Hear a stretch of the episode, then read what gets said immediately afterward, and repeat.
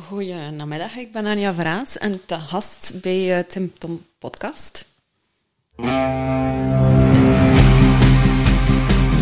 Welkom bij de Tim Tom Podcast. Ik ben Timothy.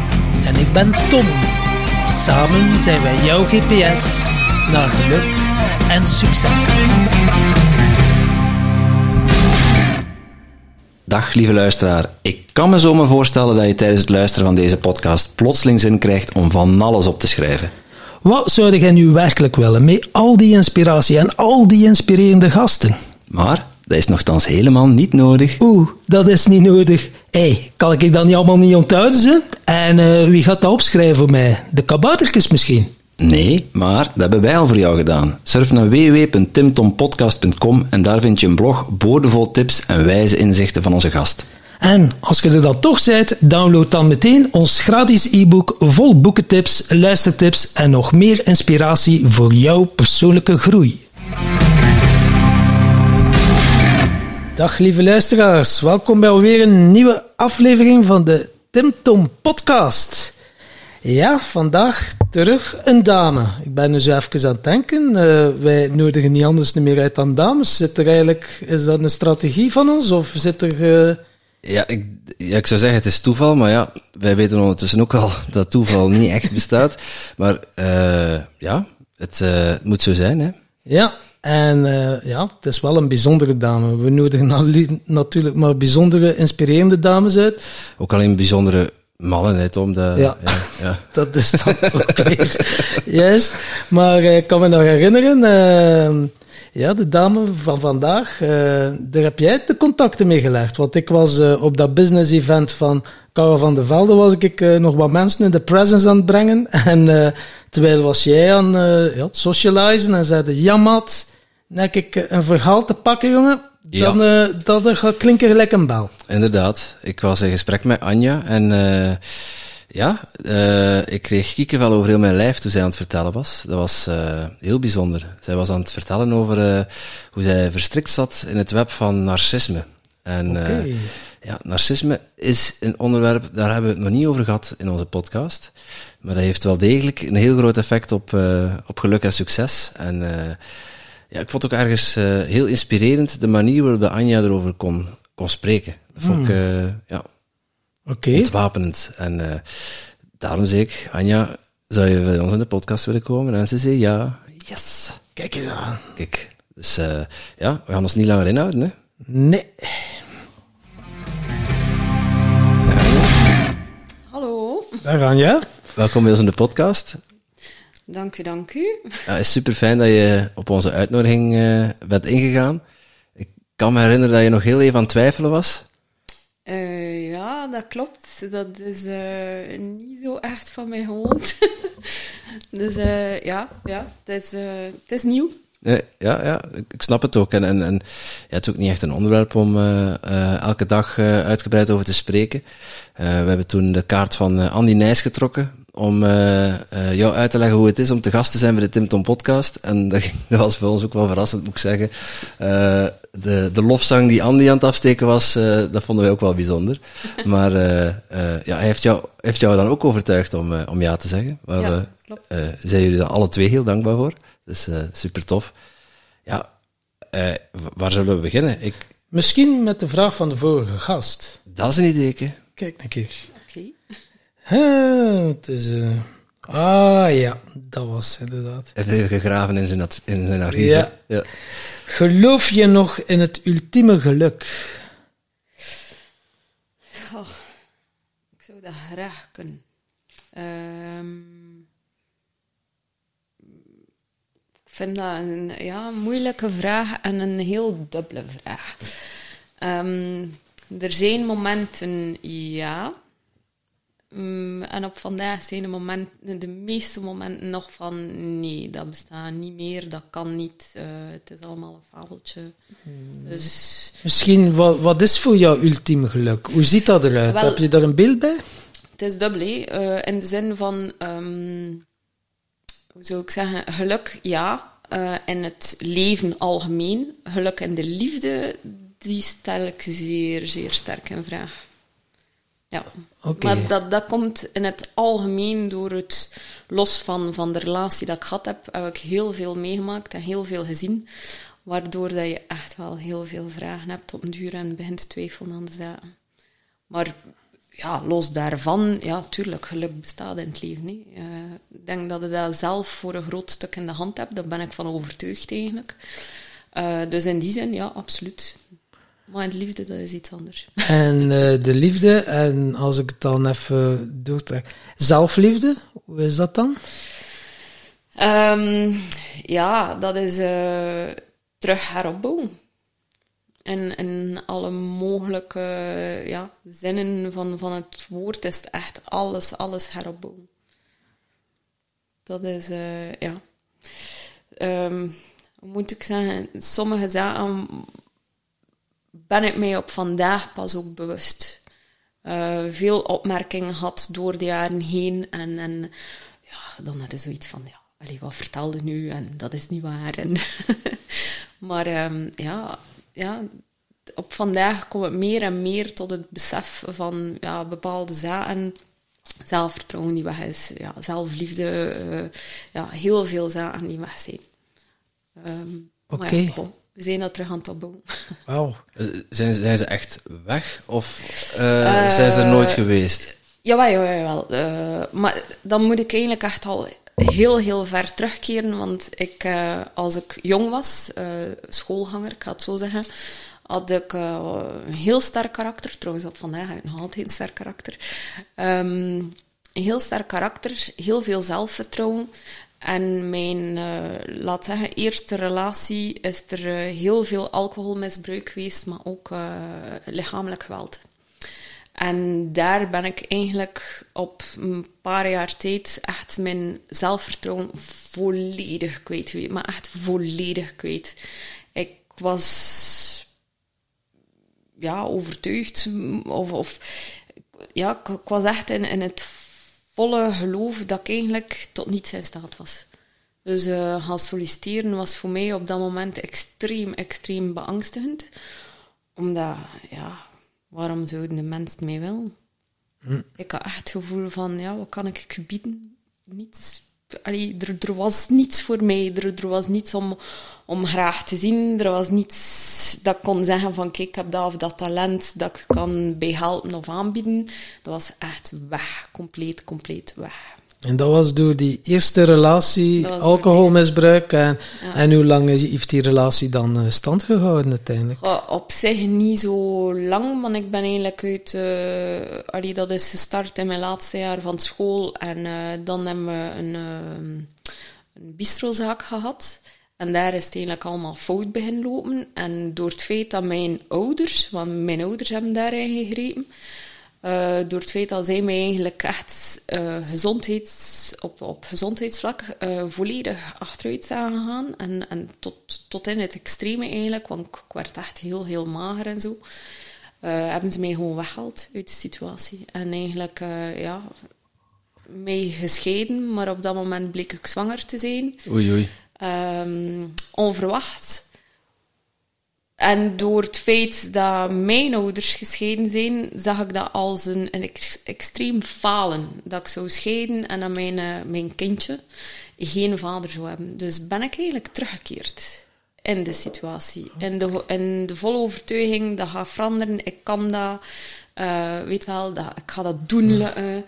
En eh, dat is wel iets op vandaag, zo, dat ik weet van, forceer het ding niet, als het niet wil lukken, wil het niet lukken, en eh, de- probeer dat niet te veranderen. Op dat punt dacht je Dus- dan ook dat het aan jou lag. Goh, eh, aan mij, nee, nee. Ik heb- toen heb ik eigenlijk nooit eh, gedacht dat het effectief aan mij lag. Ik zat gewoon in een zeer vervelende situatie.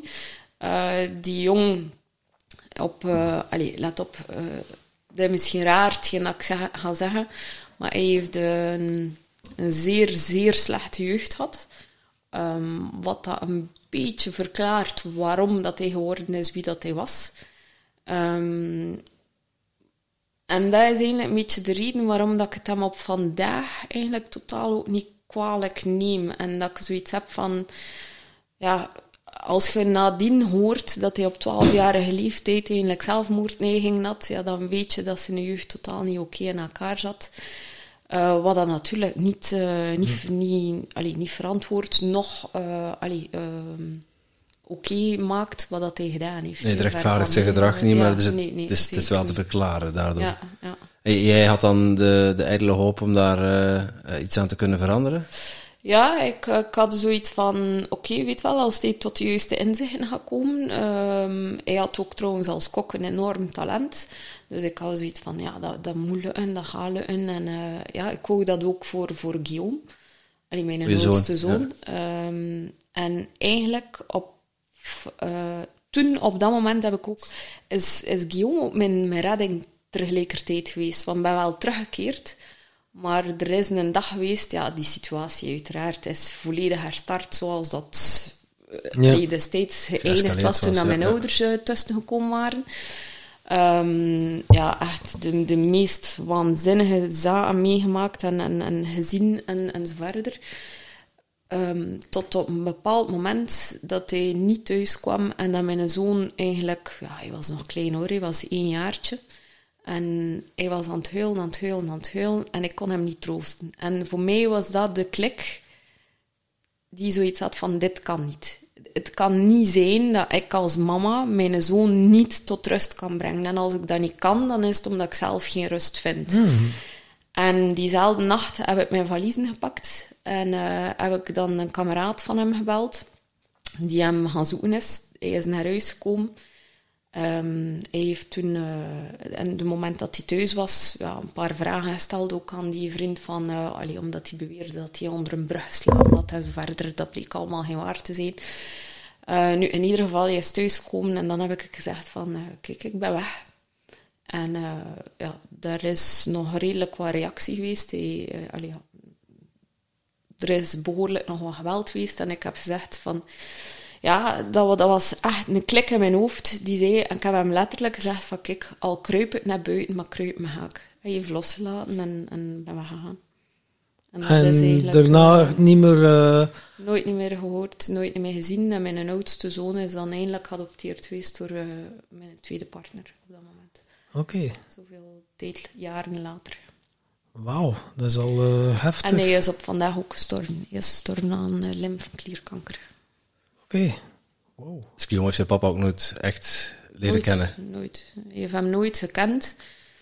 De dag dat hij uh, ja, um, eigenlijk terminaal ziek was en op intensieve lag, heeft er iemand mee contact, allee, gecontacteerd met die melding van kijk, het, het is zo. En uh, ze wilden dan eigenlijk op dat moment dat Guillaume daar terug contact mee had, maar ja, hoe dan ook, ja, ik wou dat niet, want daar was een zeer zwaar ja, alcoholgebruik in de hele familie. Ehm, dus ik had zoiets van, ja, nee, ja, ik wil dat niet. Mijn zoon wist toen nog maar net een jaar hoe dat de situatie werkelijk in elkaar zat. Mhm. Dus die had nog maar juist dat nieuws te verwerken gekregen van... Kijk, uw, uw papa is eigenlijk niet uw biologische papa. Uw biologische papa is die persoon. En ja, dus dat was al heel veel te verwerken. Nu, ik heb het hem wel verteld, omdat hij uiteindelijk wel dat recht heeft. Um, maar die mensen wilden dat afdwingen. En ik heb gezegd, nee, dat is volledig zijn keuze. Ik ga hem dat allemaal vertellen, maar als hij zegt nee, is het niet. En ik ga hem dat zeker niet in pushen. En dan heeft hij gezegd van, ja, nee, ik, ik ken die mensen niet. Voor mij zijn dat vreemde mensen en ik wil die ook nooit kennen. En hoe was dat voor jou om zo dat geheim eigenlijk mee te dragen? Dat je zo weet van, ja, Guillaume, dat is niet die biologische papa. Hoe was dat? Was dat de lastig of hadden ze iets van, ja, dat is voor zijn best eigenlijk? Ja, het is wel voor zijn best op een manier om het niet... Uh... Ja, en, en uh, ja, ik heb uiteindelijk de, de, de beslissing destijds genomen om daar nooit contact meer mee te hebben ja. en om volledig uh, in de situatie, met de situatie te breken om inderdaad Guillaume de beste opvoeding te kunnen geven en meegeven. Wel altijd in de overtuiging, de dag dat hij oud genoeg is en kan instaan voor zichzelf, en hij wil die mensen zien, ontmoeten of tegenkomen, dan ga ik hem helpen in die zoektocht. Ik heb daar absoluut geen probleem mee. Dus dat is altijd mijn doel geweest. Maar als kind, zij onschuldig, ze zijn compleet machteloos. En dan vind ik niet dat je in een situatie moet komen waar dat je zelf geen... Ja, waar dat je niets kunt aan veranderen en die een zeer zware invloed kan hebben op je toekomst en op, op, op het, het succes in je leven. Ja. Dus eh, daar heb ik hem eigenlijk volledig willen van besparen. Ja, als kind ben je ook heel vatbaar voor invloeden natuurlijk. Ja, juist daarom. En eh, je, ja, je weet niet wat die andere familie, als hij er contact mee heeft, wat, wat, er, wat er tegen hem gezegd wordt en, en wat voor invloed hij heeft. ja. Terwijl als hij wat ouder is, welke leeftijd was hij toen, toen je dat verteld hebt? Ehm, vijf, zes jaar, zoiets.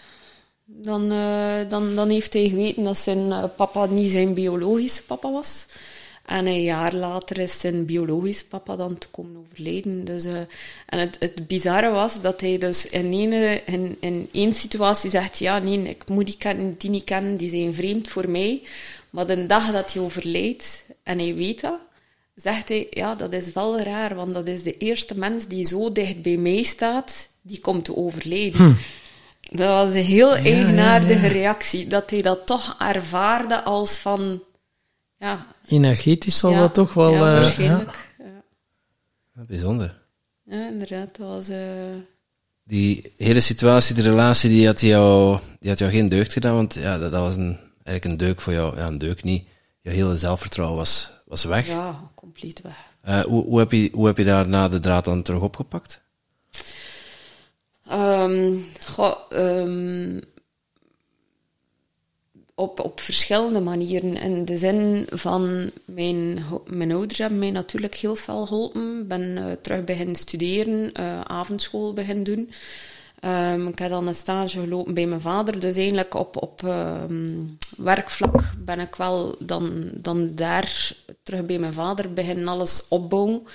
En ja, mijn, mijn drijfkracht was Guillaume natuurlijk. Hè. Dat was, allee, hij is eigenlijk de reden geweest waardoor dat je altijd vecht en erop bouwt en, en ja, er, ervoor gaat. En, en ik blijf dat zeggen, en Guillaume weet dat trouwens ook. Ja, hij is echt mijn redding geweest toen op dat moment. Dus, maar dat het gebrek aan zelfvertrouwen, dat heeft hem wel terug opgebouwd. Maar dat is nooit volledig weggegaan. Oké. Dat is, eh, allee, er is altijd een vorm van, van ge- gebrek aan, aan zelfvertrouwen geweest. In elke situatie, of heb je dan zo in sommige situaties dat je zegt, ja, hier heb ik dan wel het nodige zelfvertrouwen. Want Goh. dus zoals je hier nu zit, zie ik jou niet als iemand die onzeker is. Ja, ehm, zoals ik daar juist zei, een sterk karakter heb ik wel. Hè. Dus, eh, en, en ik kan heel fel overtuigd zijn en overtuigd, overtuigd overkomen. Maar ik ga mij heel snel eh, vergelijken met iemand of in een situatie. En dan kan ik heel snel overweldigd worden zelf van ja, mij, mij heel klein voelen naast iemand. Of eh, ja, mijn, mijn, ja, als ik het zo moet zeggen, mijn talent gaan vergelijken met iemand anders zijn talent. En dan dat, ja, dat ik dan eh, snel de neiging heb van oei, oei, ik zou dat nooit kunnen. Ja, daar, daar zit mijn gebrek aan, aan zelfvertrouwen eigenlijk. Dus, Te, eh, wat te vergelijken. heel fel naar anderen en, en er succes ki- kijken en, en daar heel fel naar opkijken. Maar zelf zo niet het vertrouwen hebben dat ik dat zelf zou kunnen, eigenlijk. Oké. Ja, veel luisteraars zullen zich hier wel in herkennen, waaronder ik ook. Ik ben Ja, nu wel geen luisteraar.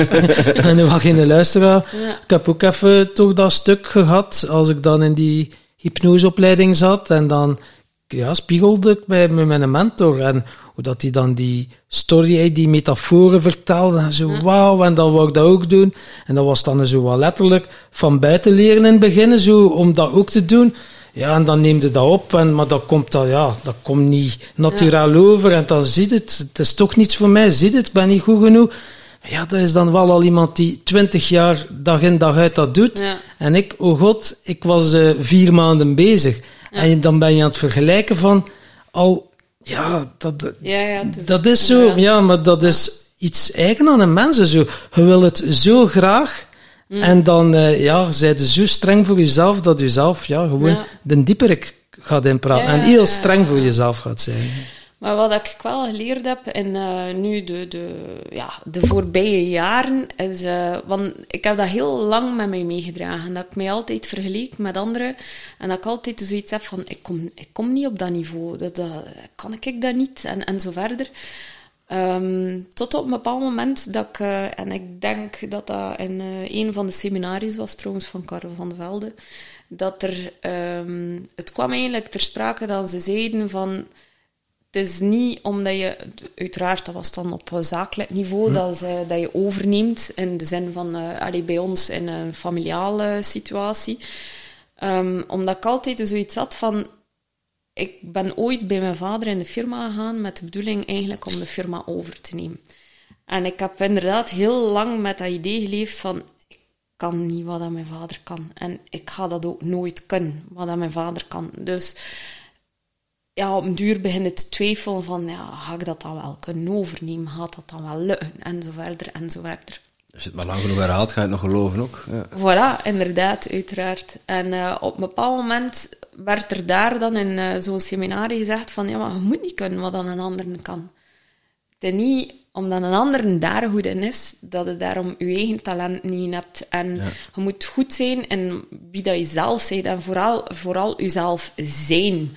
Maar je, dat ook toelaten om jezelf te zijn en, en je vooral niet gaan weerspiegelen aan iemand anders. En dat is nu iets dat ik eigenlijk al heel lang geleden gehoord heb, want hetgeen dat ik nu zeg is een paar jaar terug. Maar dat is nu in het laatste jaar dat ik dat pas begin te geloven. En dat ik daar begin naar te leven, effectief. Je kunt niet iemand anders zijn ook, hè? Nee, jij, bent, jij bent jij, ik ben ik. En, en Tom, ja, daar gaan we maar over zwijgen. maar ja, je, je, kunt niet iemand anders zijn. Nee. Eh, je kunt niet in iemand anders zijn hoofd kruipen. Je kunt niet in, in iemand anders... Je kunt iemand anders zijn rol innemen. Mm Maar dan nog ben jij die persoon die dan die rol inneemt. Ja. En ik, ik weet niet, wat voor, wat voor bedrijf is het, wat, het familiebedrijf? Uh, mijn vader deed eigenlijk, maar is ermee gestopt. Uh, dat is nog een ander verhaal. Is uh, die algemene aanneming. Dus, uh, en dat was een sleutel op de deurbedrijf. Ja. altijd heel, heel graag gedaan. Altijd heel sterk achter mijn vader gestaan. je eigenlijk echt wel een, een visionair op vele vlakken. Um, ja, het, was dat dat ook een beetje intimiderend was natuurlijk. Hè. Dat mm. is, ja, dat begrijp ik ook wel goed. Eh, de visionairs die, die zijn altijd al, al vijf stappen vooruit. uh, terwijl, uh, terwijl een ander nog moet vertrekken, ze, ja. zij al, zien zij de finish al, al voor zich. de race moet wel nog gelopen worden natuurlijk. Ja, ja. Maar ja, jij hebt je eigen talenten. ja. Hoe, die ben ik nog aan het ontdekken. Ja, ja, we zijn die allemaal nog aan het ontdekken. Hè? Uit, uiteraard ben ik wel benieuwd van, van ja, de familiebedrijf. Uh, hoe, hoe, hoe, is jouw rol daar nu in en hoe uh, heb je jezelf daar dan in, wel in kunnen ontplooien? Wel, ja, in ontplooien in het familiebedrijf, laat zeggen, want op, vandaag ja, is dat niet meer. Dus ehm, wat is er daar eigenlijk? Het heeft mij wel toegelaten om wel heel veel zelfvertrouwen te winnen. Omdat ik sowieso op elk vlak binnen de firma zat. Omdat ik meer en meer bepaalde overtuiging had, dat ik dan wel ergens ook terugvond in de seminaries dat ik gedaan had. Dat je dat ik dacht van, oké, ja, mijn manier van denken is dan toch niet zo fout. En, en daar zitten dan toch wel waarheden in. En ik moet daarmee verder natuurlijk terug, het was niet mijn bedrijf. Het was het bedrijf van mijn vader. En mijn vader was nog steeds beslissingsnemer in, in alles. En bepaalde ideeën volgde hij ook niet, totaal niet. Um, nu, in de loop der jaren is dan mijn uh, jongste broer erbij gekomen. En ja, dan is het helemaal begin fout lopen, maar dan plots had hij het idee dat we tegen elkaar, uh, dat we samenspanden tegen hem. En ja, dat was het helemaal. en tot op een dag dat hij dan zei van, uh, ja, nu, puur als papa dan, niet meer als, als zaakvoerder, meer de bezorgdheid van, kijk, wij bestaan al zo lang als algemeen aannemer, dus als sleutel op deurbedrijf. De verantwoordelijkheden zijn gigantisch, meer of duizend woningen geplaatst allee, gebouwd. En die zei, ja, nee, ja, ik wil dat niet. Ik ga mijn bedrijf niet overlaten aan mijn kinderen. Dus dat was uh, Ingeklapt, denk ik. plots ja, echt een, eh, ja, ja, echt een klets in uw gezicht eigenlijk. hè. Zo van, eh, oei, en nu? Dus eh, we hebben mij daar heel fel proberen op ingaan, zowel mijn broer als ik, van eh, ja, dat kan het allemaal goed en wel zijn dat hij daar zo over denkt, maar we hebben wij ook onze mening en we willen wij ook wel, allee, wij willen daar wel verder mee. En ja, je voetbeest ook goed, heeft gezegd nee, ik doe het niet, Eh, start opnieuw, start met gelijk wat, ik ga je in alles steunen, maar ik laat de firma niet over. Was de angst misschien dat zijn naam zou besmeurd zijn? Moest het mislukken dat ze dan onrechtstreeks ook de link zouden gemaakt hebben en hij er ook dan onrechtstreeks bij betrokken Nee. zou geweest zijn? Nee, daar was het eigenlijk echt meer eh, het, het, de bezorgdheid als vader. Niet zozeer dat zijn naam besmeurd zou worden. Inte- Integendeel zelfs meer van... Stel dat in al die jaren dat ik... allee, dat hij woning gebouwd heeft... eh, ja, met één woning komt er tienjarige aansprakelijkheid bij kijken. Ehm, dat was heel veel ja, verantwoordelijkheid, dat bedrijf alleen, heel veel, daar hing heel veel aan vast. En hij wou ons dat niet aandoen. Zijn idee was meer van, van, ja, stel dat er een lijk uit de kast zou komen, ja, ik wil jullie dat niet aandoen, want dat is mijn eh, zaak geweest en jullie gaan geen en mogen geen gevolgen dragen door mij. Dus het was echt pure, pure bezorgdheid en totaal niet wakker liggen van, van eh, ja, zijn naam die al dan niet zo besmeurd. Nee, nee, dat niet. Absoluut niet. Ehm, dus in, in, in, ja, dan kom je terug in een totaal andere situatie, want ja... Het maakt je ook eh, maakt nu niet, niet zelfzekerder natuurlijk. Zo'n, eh, eh, nu kun je dat misschien plaatsen. Eh, dus als je er nu over Ja, praat, denk ik, het klinkt alsof je het echt wel begrijpt wat hij Ja. bedoelde. Maar ja, op dat moment denk ik dat dat wel een, zoals je net zei, een klap in je gezicht is. Wel, op dat moment ja, kom je plots in een situatie van, allee, zoals ik juist zei, en nu? Ja, mijn, Allee, uw, uw toekomst staat uitgestippeld. Hè? Die, die, ja, dat de jaren zijn in de volle overtuiging van oké, dat is wat ik ga doen, daar groei ik naartoe, daar evolueer ik naartoe. En dan eh, ja, was dat plots weg.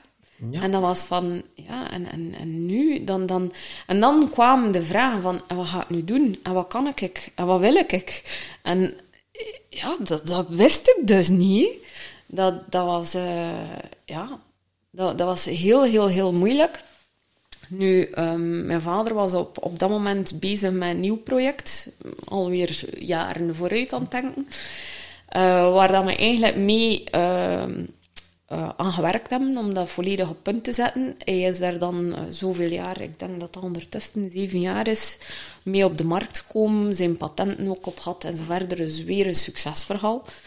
Ehm, en ik heb wel de kans gekregen om daarin mee te gaan. Maar dat was volledig op zelfstandige basis. We zaten juist op het niveau dat we een woning gekocht hadden. Dan met de relatie, eh, mijn, mijn laatste relatie. Ehm, ja, en dan zit je met een aflossing. Je zit met drie kinderen. Eh, ja, ik had zoiets van, ja, dat risico kan ik niet lopen. We wisten, ja, iets volledig, volledig nieuw op de markt.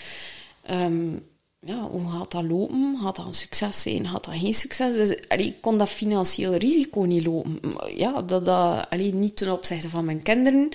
Eh, ook omdat we die woning gekocht hadden. Dus ja, ik moest echt wel een andere weg inslaan.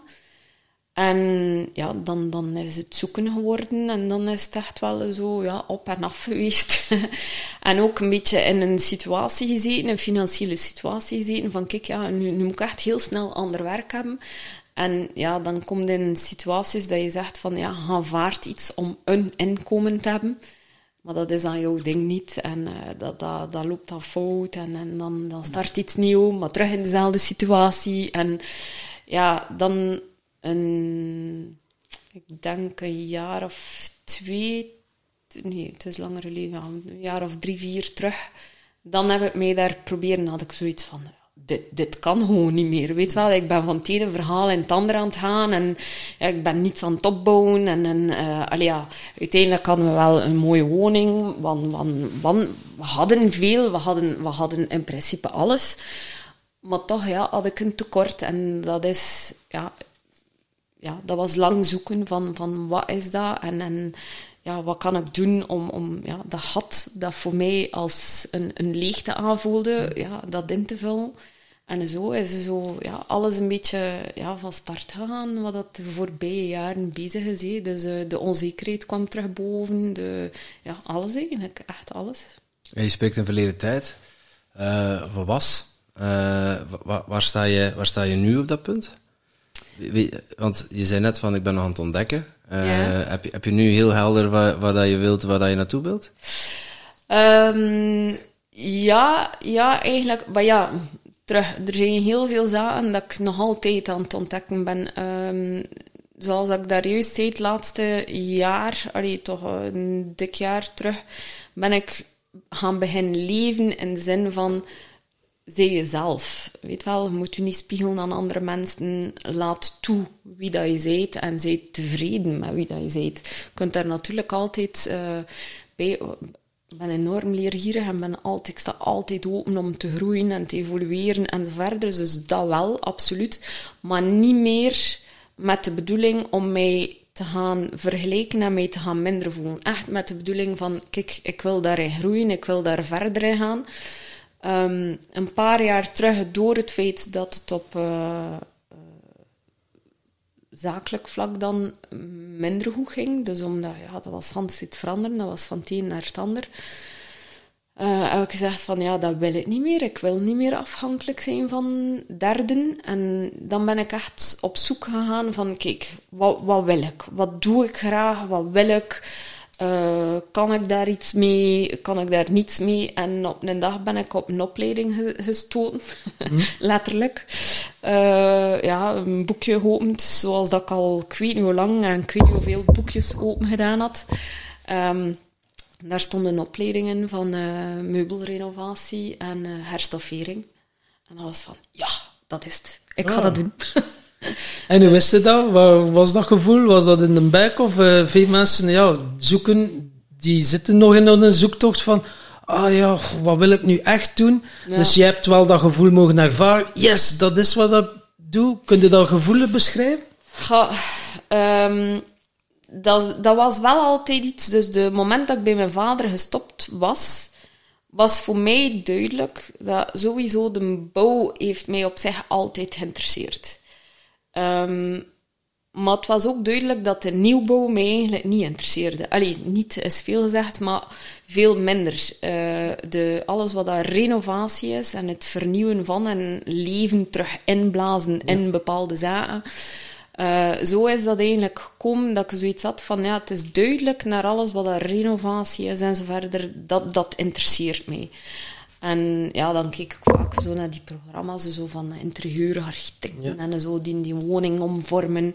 En daar was één programma waar dan ze vaak ook meubels heraanpakten. En ik vond dat wel leuk. Ik had zoiets van, ja, dat, dat is zo. En, en ook ja, de, op vandaag zo de verspilzucht. Weet wel, alles moet naar het containerpark, het moet allemaal weg. Het is, het is wat we kopen, ja, we zien niet meer graag, we smeten het weg. En, en de duurzaamheid van vroeger heb ik op vandaag niet meer. En dat was ook iets dat ik zo altijd zo... En ja, ik zeg, ik wist van bestaan niet af van die opleiding. Dus op het moment dat, dat ik dat las, had ik zoiets van... Ja, ja. dat was echt zo'n gevoel van... Ja, dat, dat, dat beantwoordt echt aan, aan hetgeen dat ik al die, die tijd zo van... Ja, aanvoel van... Ik wil iets, maar wat? Ja, ik had plots op papier. Ja. Mooi dat het dan eh, in één keer u... Ja, als mensen zeggen, oh, dat is toeval. Nee, het valt je toe. Ja. op een manier. Ga, ja en nee. Had ik bijvoorbeeld niet... Um, hoe moet ik zeggen? Dat, dat is hetzelfde... Allee, like wat ik zeg, interieur, dat interesseert mij heel sterk. Ik ga de ene beurs na de andere ga ik gaan bezoeken. Waarom?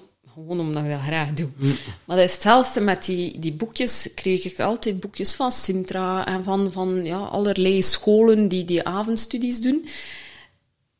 Ja, als je niet dat boekje elke keer openslaat, ja, gaat het er ook nooit op stoten. Nee. Dan had ik dat even goed in de vuilbak kunnen smeten. Dus toeval, ja, oké, dat, ik die, dat ik die opleiding zag staan, ja, misschien, maar ja, langs de andere kant is het wel omdat ik ergens zoiets had van ja, blijven zoeken, blijven zo van, oh ja, wie weet, er staat er iets in dat ik graag doe.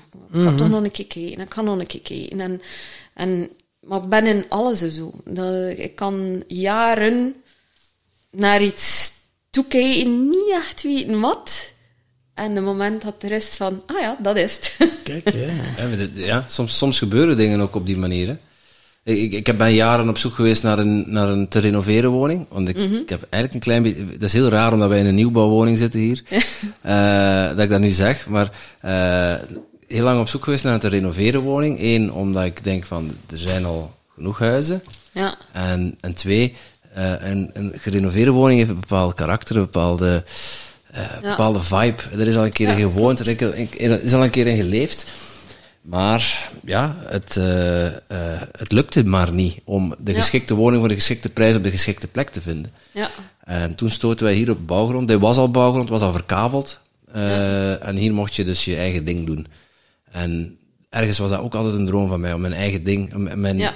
project te ontwikkelen. Dus om zelf ja, ja, ja. als projectontwikkelaar, is wat, jou, wat je vader deed, maar niet de aanneemwerken, maar de, de projectontwikkelingswerken, eh is eigenlijk ook hier sleutel op de deur, eh, zelf mijn woning Ja, bouwen. ja. Zelf aannemers eh, zoeken die voor de ruwbouw zelf, eh, hebben de loodgieter, de sanitairman, de alles. Hetzelfde trouwens. maar zelf alles aangestuurd en, en, en opgezocht. En eh, ja, dat geeft, dat geeft deze woning ook wel weer karakter. ja, Alles is onze eigen goesting. Het is niet dat wij in een catalogus doorgebladerd hebben en doe, maar, doe ons dat maar, doe dat maar, doe dat maar. Eh, wij moesten over alles nadenken. Over welke type deuren, welke type glas, welk, Ja. eh, welke klinken op de, op de deuren, welke type stopcontacten. Je kunt het zo gek niet bedenken of je moet het allemaal, allemaal zelf verzinnen. En dan komt de aannemer, ja, wat wilde. Eh, ja. en, en ja, dat, dat maakt het dan ook alweer karakteristiek. En ehm, eh, hoe ik erop kom dat, om dit te vertellen, weet ik ook niet meer. Eh, ja, omdat we hier in een nieuwbouw zitten. Ja, en Eh, moet een renovatie gaan ja, en eh, ja. Nieuw, nieuw leven inblazen. En ergens ehm, hebben we in, in het verhaal bij jou nu nog wel een, een, een belangrijke stap overgeslagen. Want die, die zoektocht, ja, zo kwam ik erop. Die, soms lopen gewoon dingen op een bepaalde manier. Eh, maar die zoektocht is wel ergens begonnen bij jou. ja, dus ik ben wel benieuwd, kun je, kun je ons meenemen naar, naar dat, dat prille begin, dat dat, ja, ergens zit dat een beetje te sluimeren, dat je, dat je iets nieuws wilt.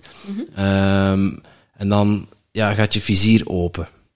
Eh, je zegt van, hey, boekjes van Sintra, eh, je moet er inderdaad wel doorheen bladeren. Ik zeg niet dat dingen vanzelf gaan, ja, eh, want je moet er wel actie op ondernemen. ja, absoluut. Dus de boekjes van Sintra, en dan opeens had jij dat Eureka-moment. Tom, Ehm, ja, ja. Ja, ja, absoluut. Ehm, laat zeggen, ja, als je helemaal terugkeert naar het verhaal, oké, je bouwt je zelfvertrouwen op, ik ben bij mijn vader te werk gegaan. Op dat moment leeft je leven of laat je leven een beetje leven. Dat is eigenlijk wat dat er gebeurd is. Allee, ja, ook al had ik toen dat gevoel niet hoor, dat, ik, eh, dat mijn leven aan het het passeren was. ja, aan het passeren was. Ehm, dat is eigenlijk vooral gestart, inderdaad, het moment dat ik dan ja, voor de keuze plots stond van, ja, kijk, de firma wordt niet overgelaten. Ja, dan moest ik wel plots beginnen nadenken en ja, eh, zelf gaan kijken van wat wil ik, wat ga ik doen, eh, en zo verder, en zo verder.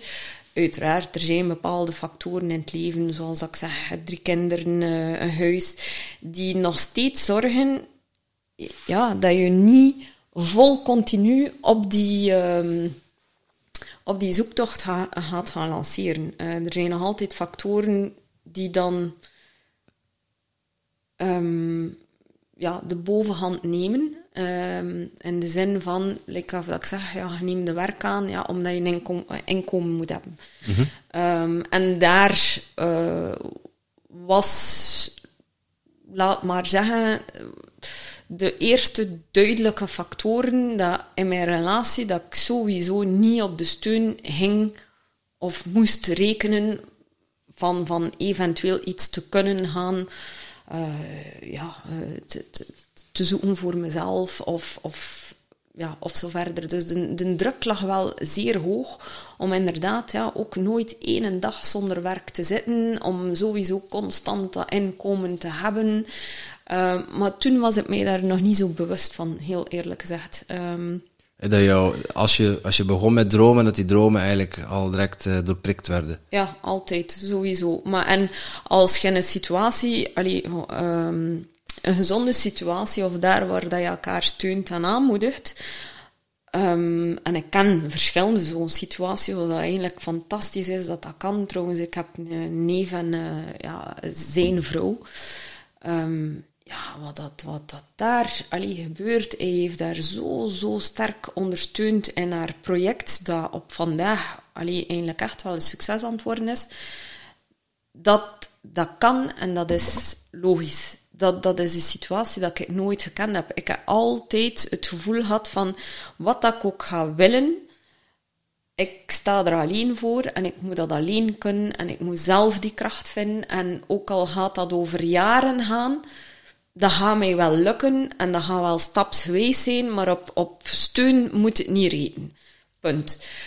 Nu, ik moet wel eerlijk toegeven dat door het verleden dat ik gehad heb, dat ik wel ook in een, een mentaliteit zat, en eigenlijk nog steeds zit, van ik wil ook niet afhankelijk zijn van iemand anders soms ho allee, hoop je dat wel, dat je zegt van, god, dat zou toch leuk zijn, maar langs de andere kant dat je daar dan in zit, heb ik dan direct zoiets van, ja, oeh, nee, ja, ik word afhankelijk, gevaarlijk. Allee, ik zie dat direct als, als niet oké, ja, als een bedreiging, als ik afhankelijk word van...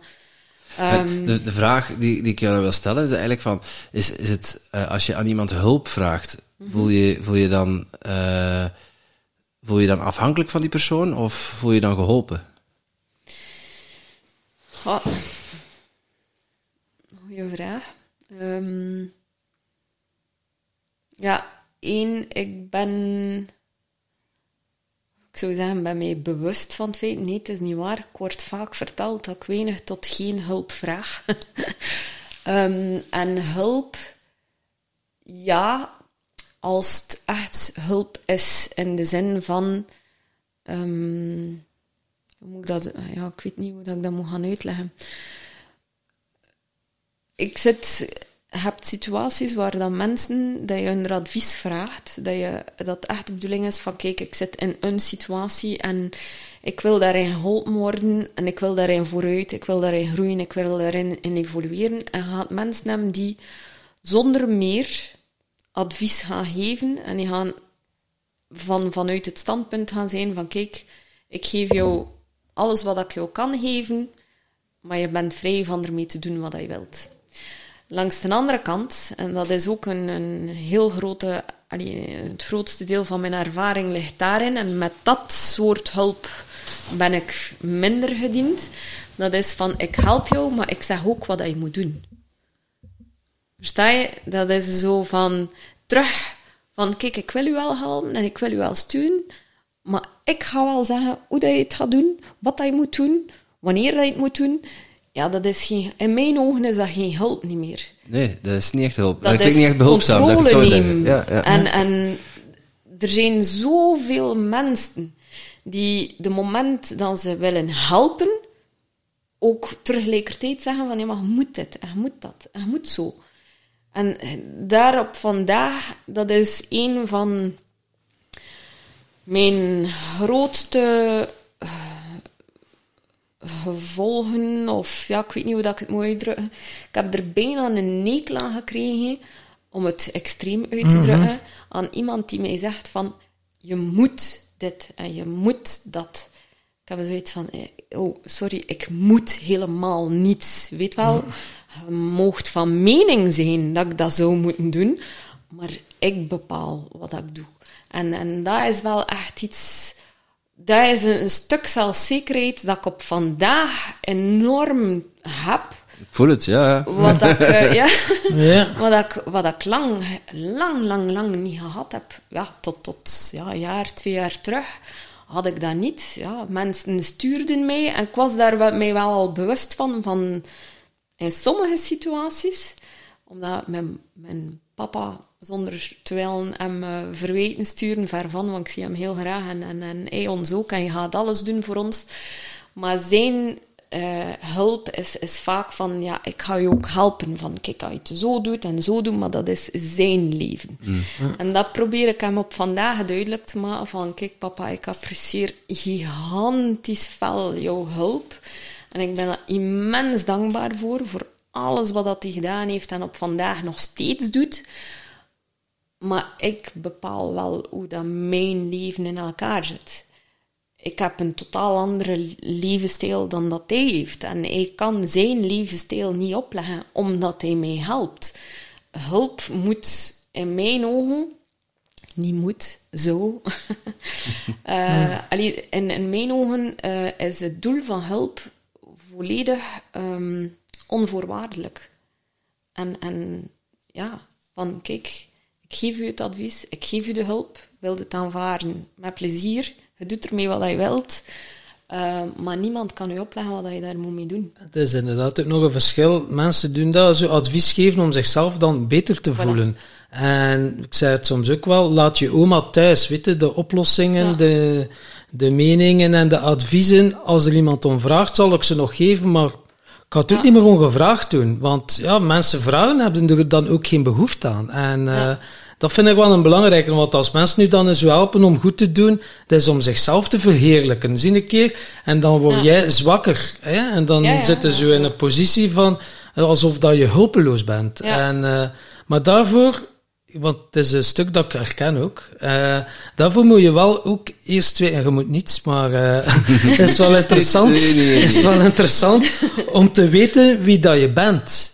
Want het heeft ook veel te maken met je grenzen afbakenen. Van hier, ik hoef het niet uh, tot hier en niet verder. Maar als je niet weet wie dat je bent, ja, waar ligt dan je grens? Ja. Maar dat is nu net moeilijke. Um, vind ik persoonlijk. Omdat inderdaad, ik heb mijn, mijn leven lang, bij wijze van spreken, tot, tot voor een jaar, twee jaar terug is dat gestuurd geweest. was eigenlijk een ander die een beetje bepaalde... Ik kan niet zeggen op 100%, hè, want ik, ik ken nooit... Allee, tot voor kort had ik niet het gevoel dat dat zo was. Um, ja, het, is allemaal raar uitleggen hoor. Maar, uh, misschien wil je, misschien je ook even meenemen, want we hebben, we, hebben, we hebben hier een klein beetje voorkennis, want we hebben jou natuurlijk al gesproken op het seminar van, van, van uh, Karel van der Velde. Uh, want die, die situatie, dat gaat over, jou, over jouw ex-partner. Ja. Of jouw, de tweede partner. Uh, we hebben net gesproken over jouw eerste, derde of derde partner, sorry. We hebben net gesproken over, jou, over jouw eerste relatie. Ja. Uh, maar in, in de laatste relatie is er ook wel een en ander beschadigd bij jou. Ja. Uh, en dat is niet helemaal met jouw toestemming gebeurd. Nee, nee, nee. Nee, en, en compleet onbewust. Um... En, en we hadden het net over, over hulp aanvaarden en, en dan die, die duidelijke scheiding tussen uh, advies krijgen en uh, mm-hmm. advies opgelegd krijgen. Uh, dat zit voor, voor een groot deel, daar zit ook wel een, een stukje verklaring. Ja. Je sprak over anderhalf, twee jaar geleden. Maar misschien moet je aan de luisteraars ook even vertellen wat er toen gebeurd is. Wel, um, ik, zal, ik zal verder terugkeren. Twaalf jaar geleden is die relatie gestart. Um, ik heb lange tijd overtuigd geweest van, ja, dat is de partner van mijn leven, ik wil daarmee oud worden, en zo verder en zo verder. Um, daar zijn gedurende de jaren wel verschillende zaken geweest.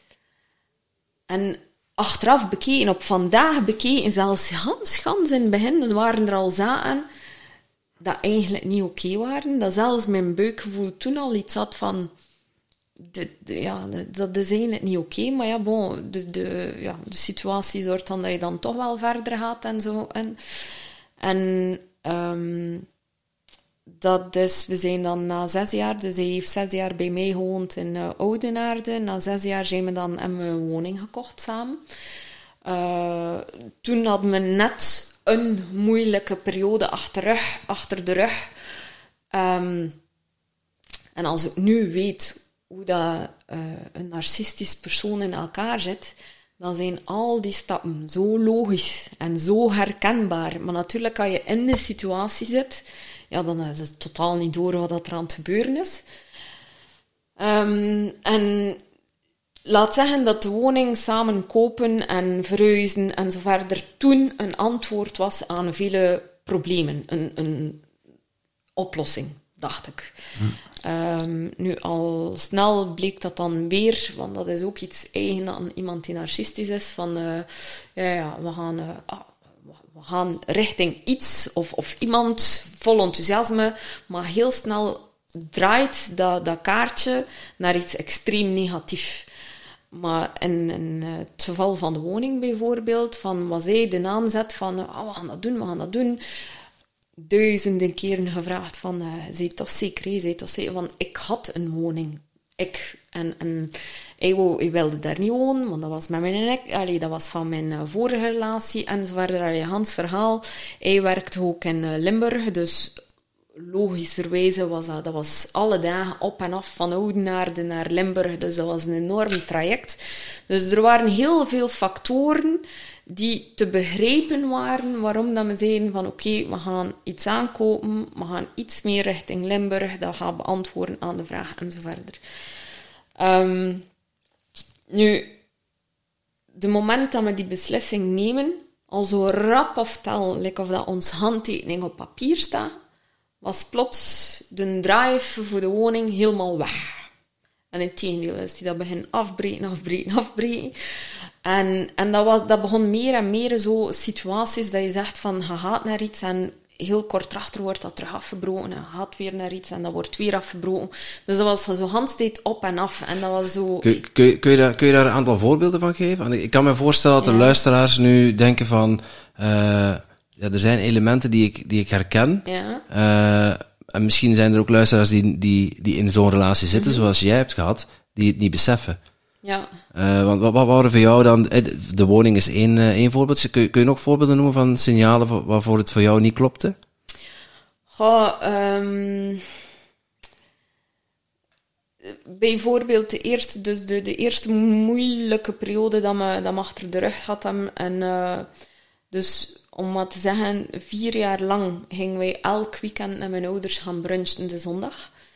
En plots na vier jaar, om een of andere reden, niemand heeft ooit geweten waarom, heeft hij daar volledig mee gebroken. En mijn mama en mijn stiefpapa, dat was allemaal slecht en maar slecht. En dat was ruzie maken en, en echt niet oké. Echt een, een, zeer, eh, ja, hoe moet ik zeggen, heftige situatie. Zo echt, eh, ja, dus ik kwam nooit meer mee. Plots was alles alleen. ehm, dus dat, dat was dus plots ja, dag en nacht verschil in het leven dat ik had heb gedurende vier jaar. Van de En ene dan moment op de andere van was de dat. ene Zo, moment flak. op de andere. Ja, echt wel. Ja. Oké. Nu, we hadden al een paar staaltjes gehad van situaties waar dat hij plots out of the blue, omdat hij denkt dat er een probleem was met iemand, kon hij, en hij deed dat ook altijd publiekelijk. Ehm, ik zeg maar iets, eh, de- de- met kerstavond eh, had hij een eh, ruzie ge- gecreëerd met mijn ex-man, dus de papa van de kinderen. En ja, veel mensen gaan denken, en trouwens, ik dacht dat toen ook van, ja, weet je, ja, man onder elkaar, eh, ex-man, nieuwe partner, het was allemaal vrij nieuw. dus ja, je gaat daar niets achter gaan zoeken. Nu, de kinderen op zich waren al zeer kwaad dat dat eigenlijk op kerstdag gebeurd was. Dus want dat was, eh, ja, eh, ja, een feestdag, laat maar feestdag, zeggen. ja, ja. Samen Eh, zijn. de 24e mijn jongste zoon verjaard ook, dus dat was zijn verjaardag. Allee, hou, dat was zo... Hou. Ehm, met de communie van mijn dochter gebeurt weer een gelijkaardige situatie in de zin van hij wist zeer goed hoe dat hij mijn ex-partner op de kast moest zetten. Allee, zo noemde hij het zelf. Hij had er zijn leut in, echt. Dat, dat was nu net het erge en dat waren signalen dat je zegt van dit, eigenlijk is dat niet oké. Hij, hij had zo'n gigantisch plezier in het leed van anderen. Dat, dat, ja, je, je kunt dat met niemand vergelijken. Een mens kan ruzie maken, gaat er achteraf spijt van hebben, maar hij zocht dat op. Hij, hij had daar plezier in. Van, van Hij iemand voedde zich daarmee ja, precies, Ja, ja, alsof- echt ja. wel. Maar terug, je, je beseft dat niet, want dat waren allemaal losstaande feiten. Daar, daar zat een jaar tussen. Dus allee, je gaat dan nooit aan elkaar linken, die verhalen. Dat zijn, ja, je gaat daar geen patroon in gaan zoeken uiteindelijk. En uh, dus met de communie heeft hij dat gedaan. Dus heeft hij uh, de papa van, van, uh, van de allee, verbaal aangevallen. Die, zijn vader was dan ter hulp geschoten, maar die is al even snel gekleineerd geweest. Maar op het kerkenplein van het dorp, voor iedereen. Ja, allee, ja, dus mijn dochter helemaal boos, want het was haar feest. Dus, en dat, Ja. dat was ook opvallend dat het altijd op feestdagen was. Altijd. Ehm, er, er zijn zoveel verschillende zaken, want ehm, feestdagen er naartoe gaan, afhankelijk van het type feest, had ik ofwel de dag ervoor miserie, ofwel een week ervoor miserie, ofwel een maand ervoor miserie.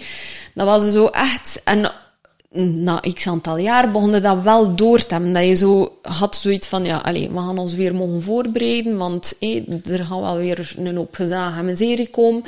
En ergens was ik, dacht ik, mentaal sterk genoeg en dacht ik altijd van, ja, we, we weten wat dat er komt en zo verder en je u daarop voor. Maar nu, ja, nu dat ik weet wat dan narcisme is, ja, is dat, zijn dat allemaal heel logisch verklaarbare situaties, want blijkbaar is dat echt heel identiek voor elk. En eh, ja, dat was soms echt mega, mega ruzie voor het feest. En dan daar ter plaatse was dat de meest charmante mens ooit. En niemand, maar niemand kon zien dat daar hevige ruzie aan vooraf gegaan was, of zelfs een week of een maand ruzie aan vooraf gegaan was. Niemand kon dat zien. Dat was de beste, tofste, leukste persoon ooit. En in het begin heb je zoiets van, kun dat moeilijk van je afzetten. Maar hij had dan een feest van, eh, ja, nog helemaal...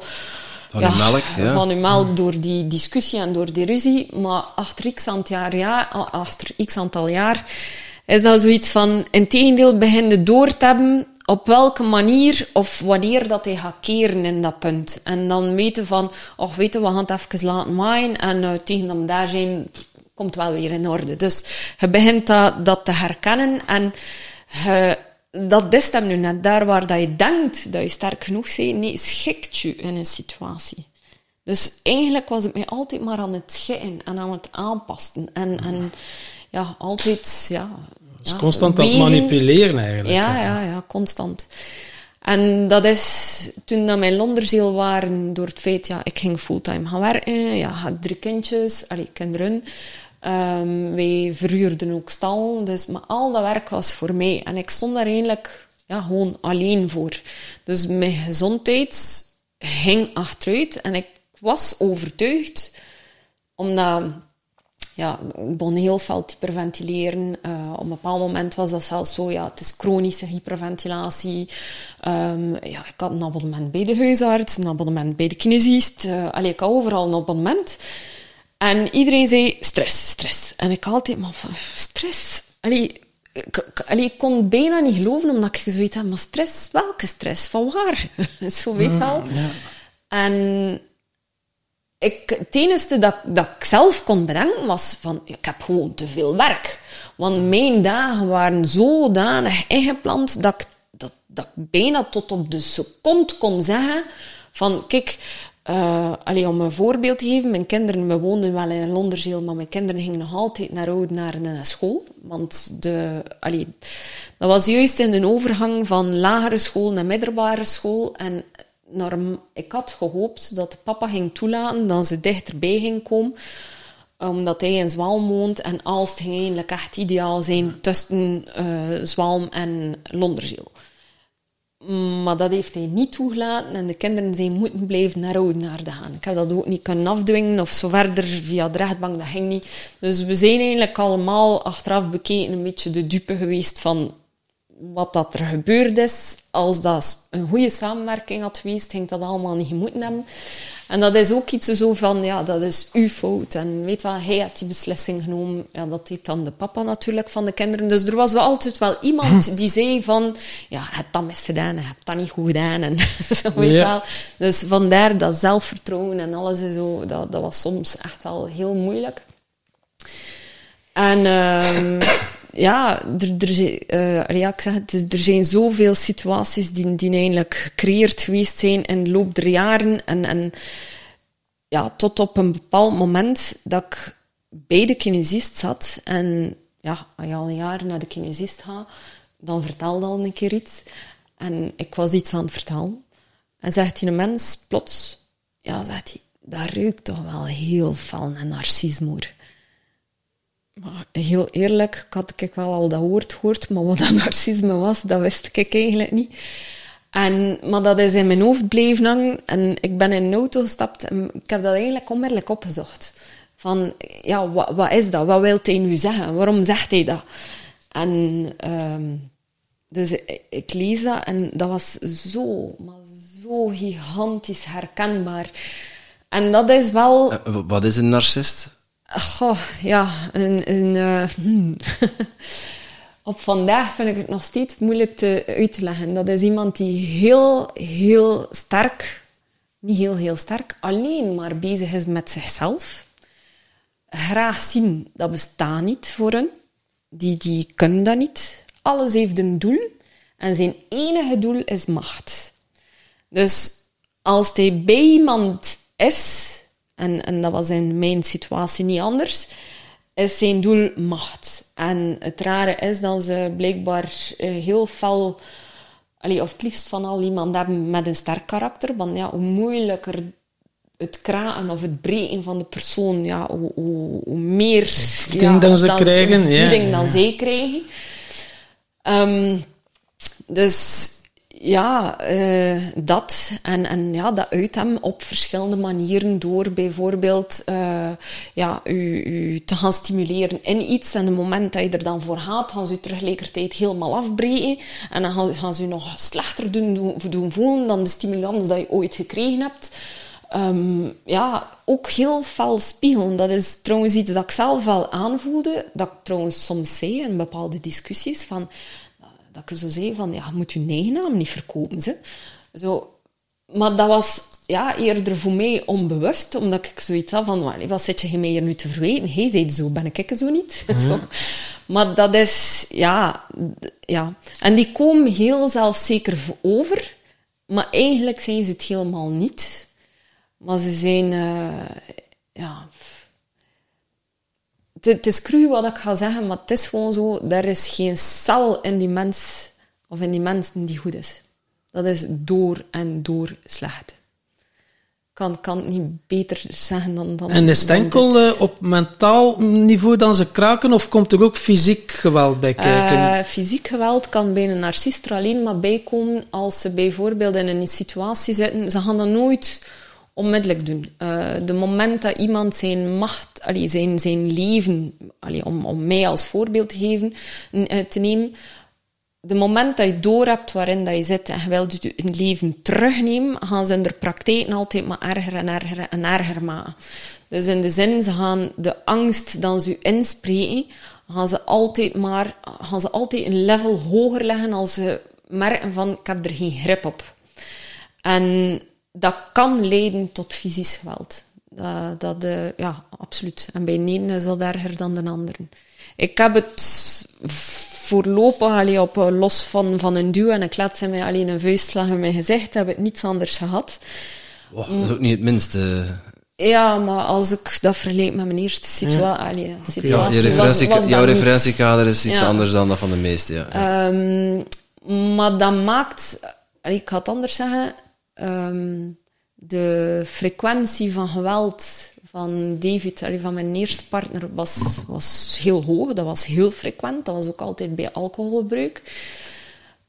Mm, Maar eigenlijk van hem ben ik nooit bang geweest. Terwijl dat, ehm alleen mijn ex-partner nu, is dan nuchter. En weet wel, als hij echt, want wat dat hij wel gedaan heeft, en daar, eh, dat moet ik wel eerlijk toegeven, is bij mijn, dus de papa van de kinderen, de ruzies dat hij uitlokt, het eerste wat dat hij doet is naar de keel grijpen. Altijd. Hij heeft dat bij mijn oudste zoon gedaan, hij heeft dat bij mijn dochter ook gedaan. Dus als hij hem ergens in een situatie gedwongen voelt, dat hij merkt van ik heb de macht niet en ik, ik, het lukt mij niet, verbaal dan, dan gaat hij inderdaad wel over naar geweld. Want, uh, en dat is zo een paar keer geweest. Van, uh, dat van mijn dochter is, is ja, echt op de, in de eindperiode geweest. Toen, toen wist wel eigenlijk wat dat er aan de hand allemaal was. Um, ja, die heeft effectief drie nachten op haar kamer geslapen met haar deur op slot. Uitschrik dat, ze, allee, dat hij iets ging doen s'nachts. Ja, wat? Dat zijn inderdaad wel... Uh... En dan heb je dat door, hè? Oei, my, oh my god, een narcist. Ja, ja dan moet je er vanaf geraken. Ah, wel, of is dat... De... Laat, op dat moment nog niet, omdat hebben het, hebben het door en hebben het niet door. Dus de, ik kreeg die melding. Ik ben daar al heel veel beginnen over lezen. Natuurlijk, je moet er wel voor openstaan. Hè. Je moet wel... Allee, en, en ik denk dat dat ergens wel mijn geluk geweest is, dat ik altijd wel heel veel openstaan voor van alles en alles heel veel analyseer en, en uh, probeer te begrijpen, laat maar zeggen.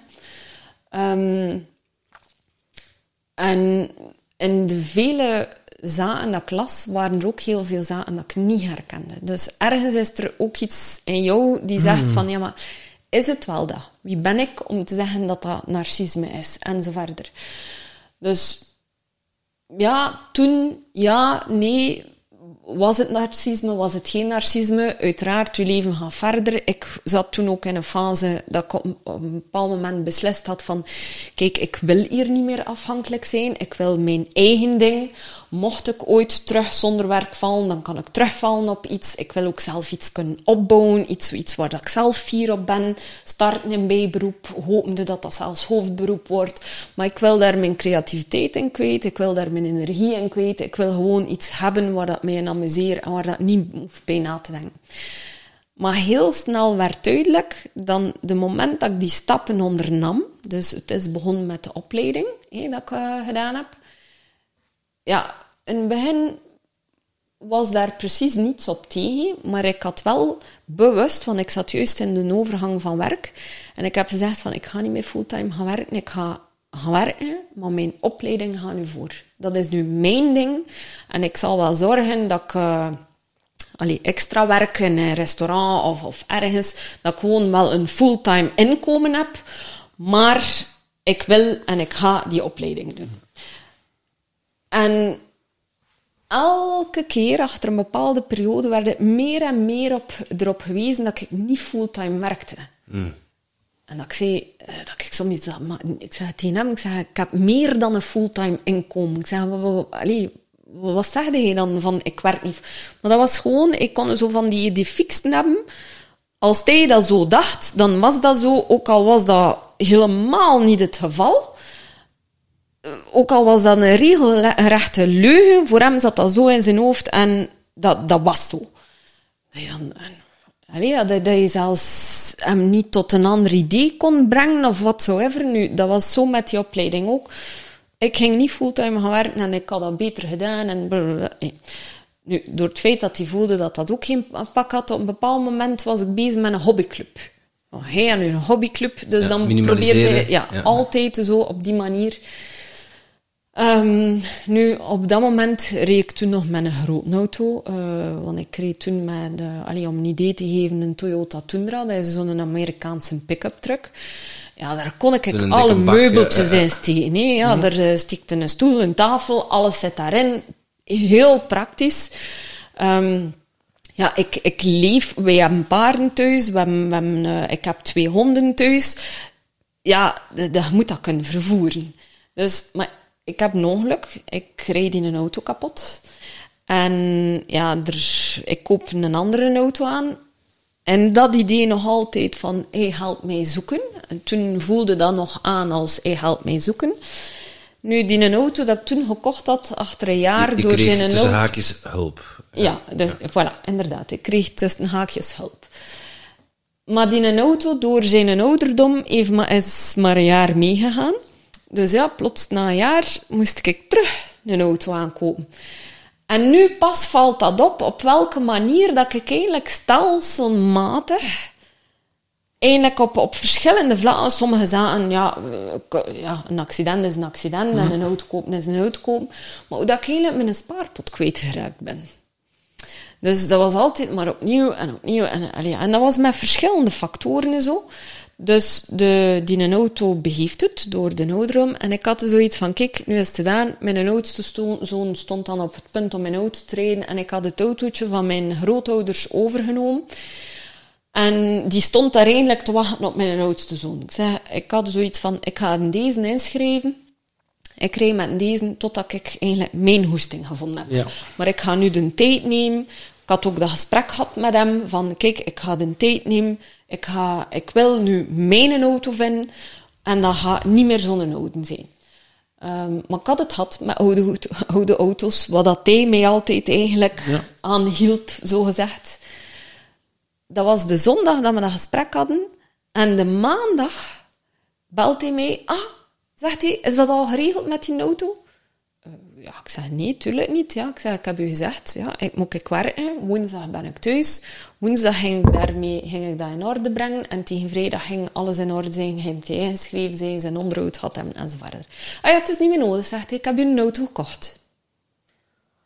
Oké, ja, goed. Eh, ik zeg, ja, maar ja, en, en, en dan?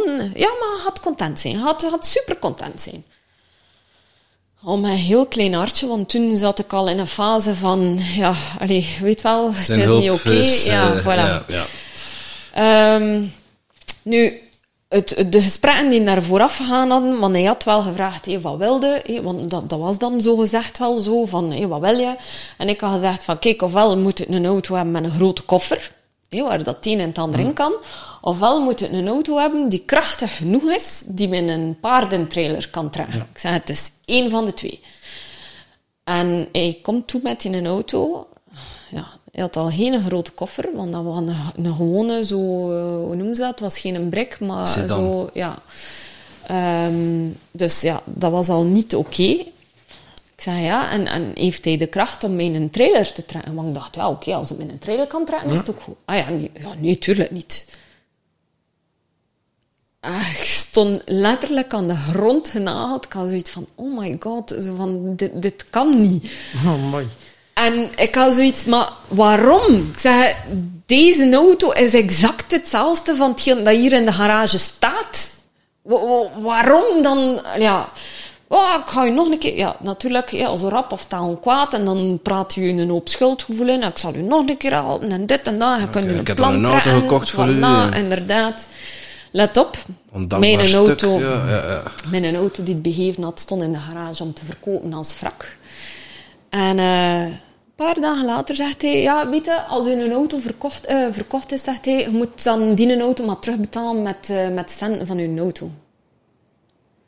Dus eigenlijk had ik helemaal geen auto gekregen. Ik had eigenlijk de auto dat ik zo gezegd gekregen had, zelf betaald. Ja.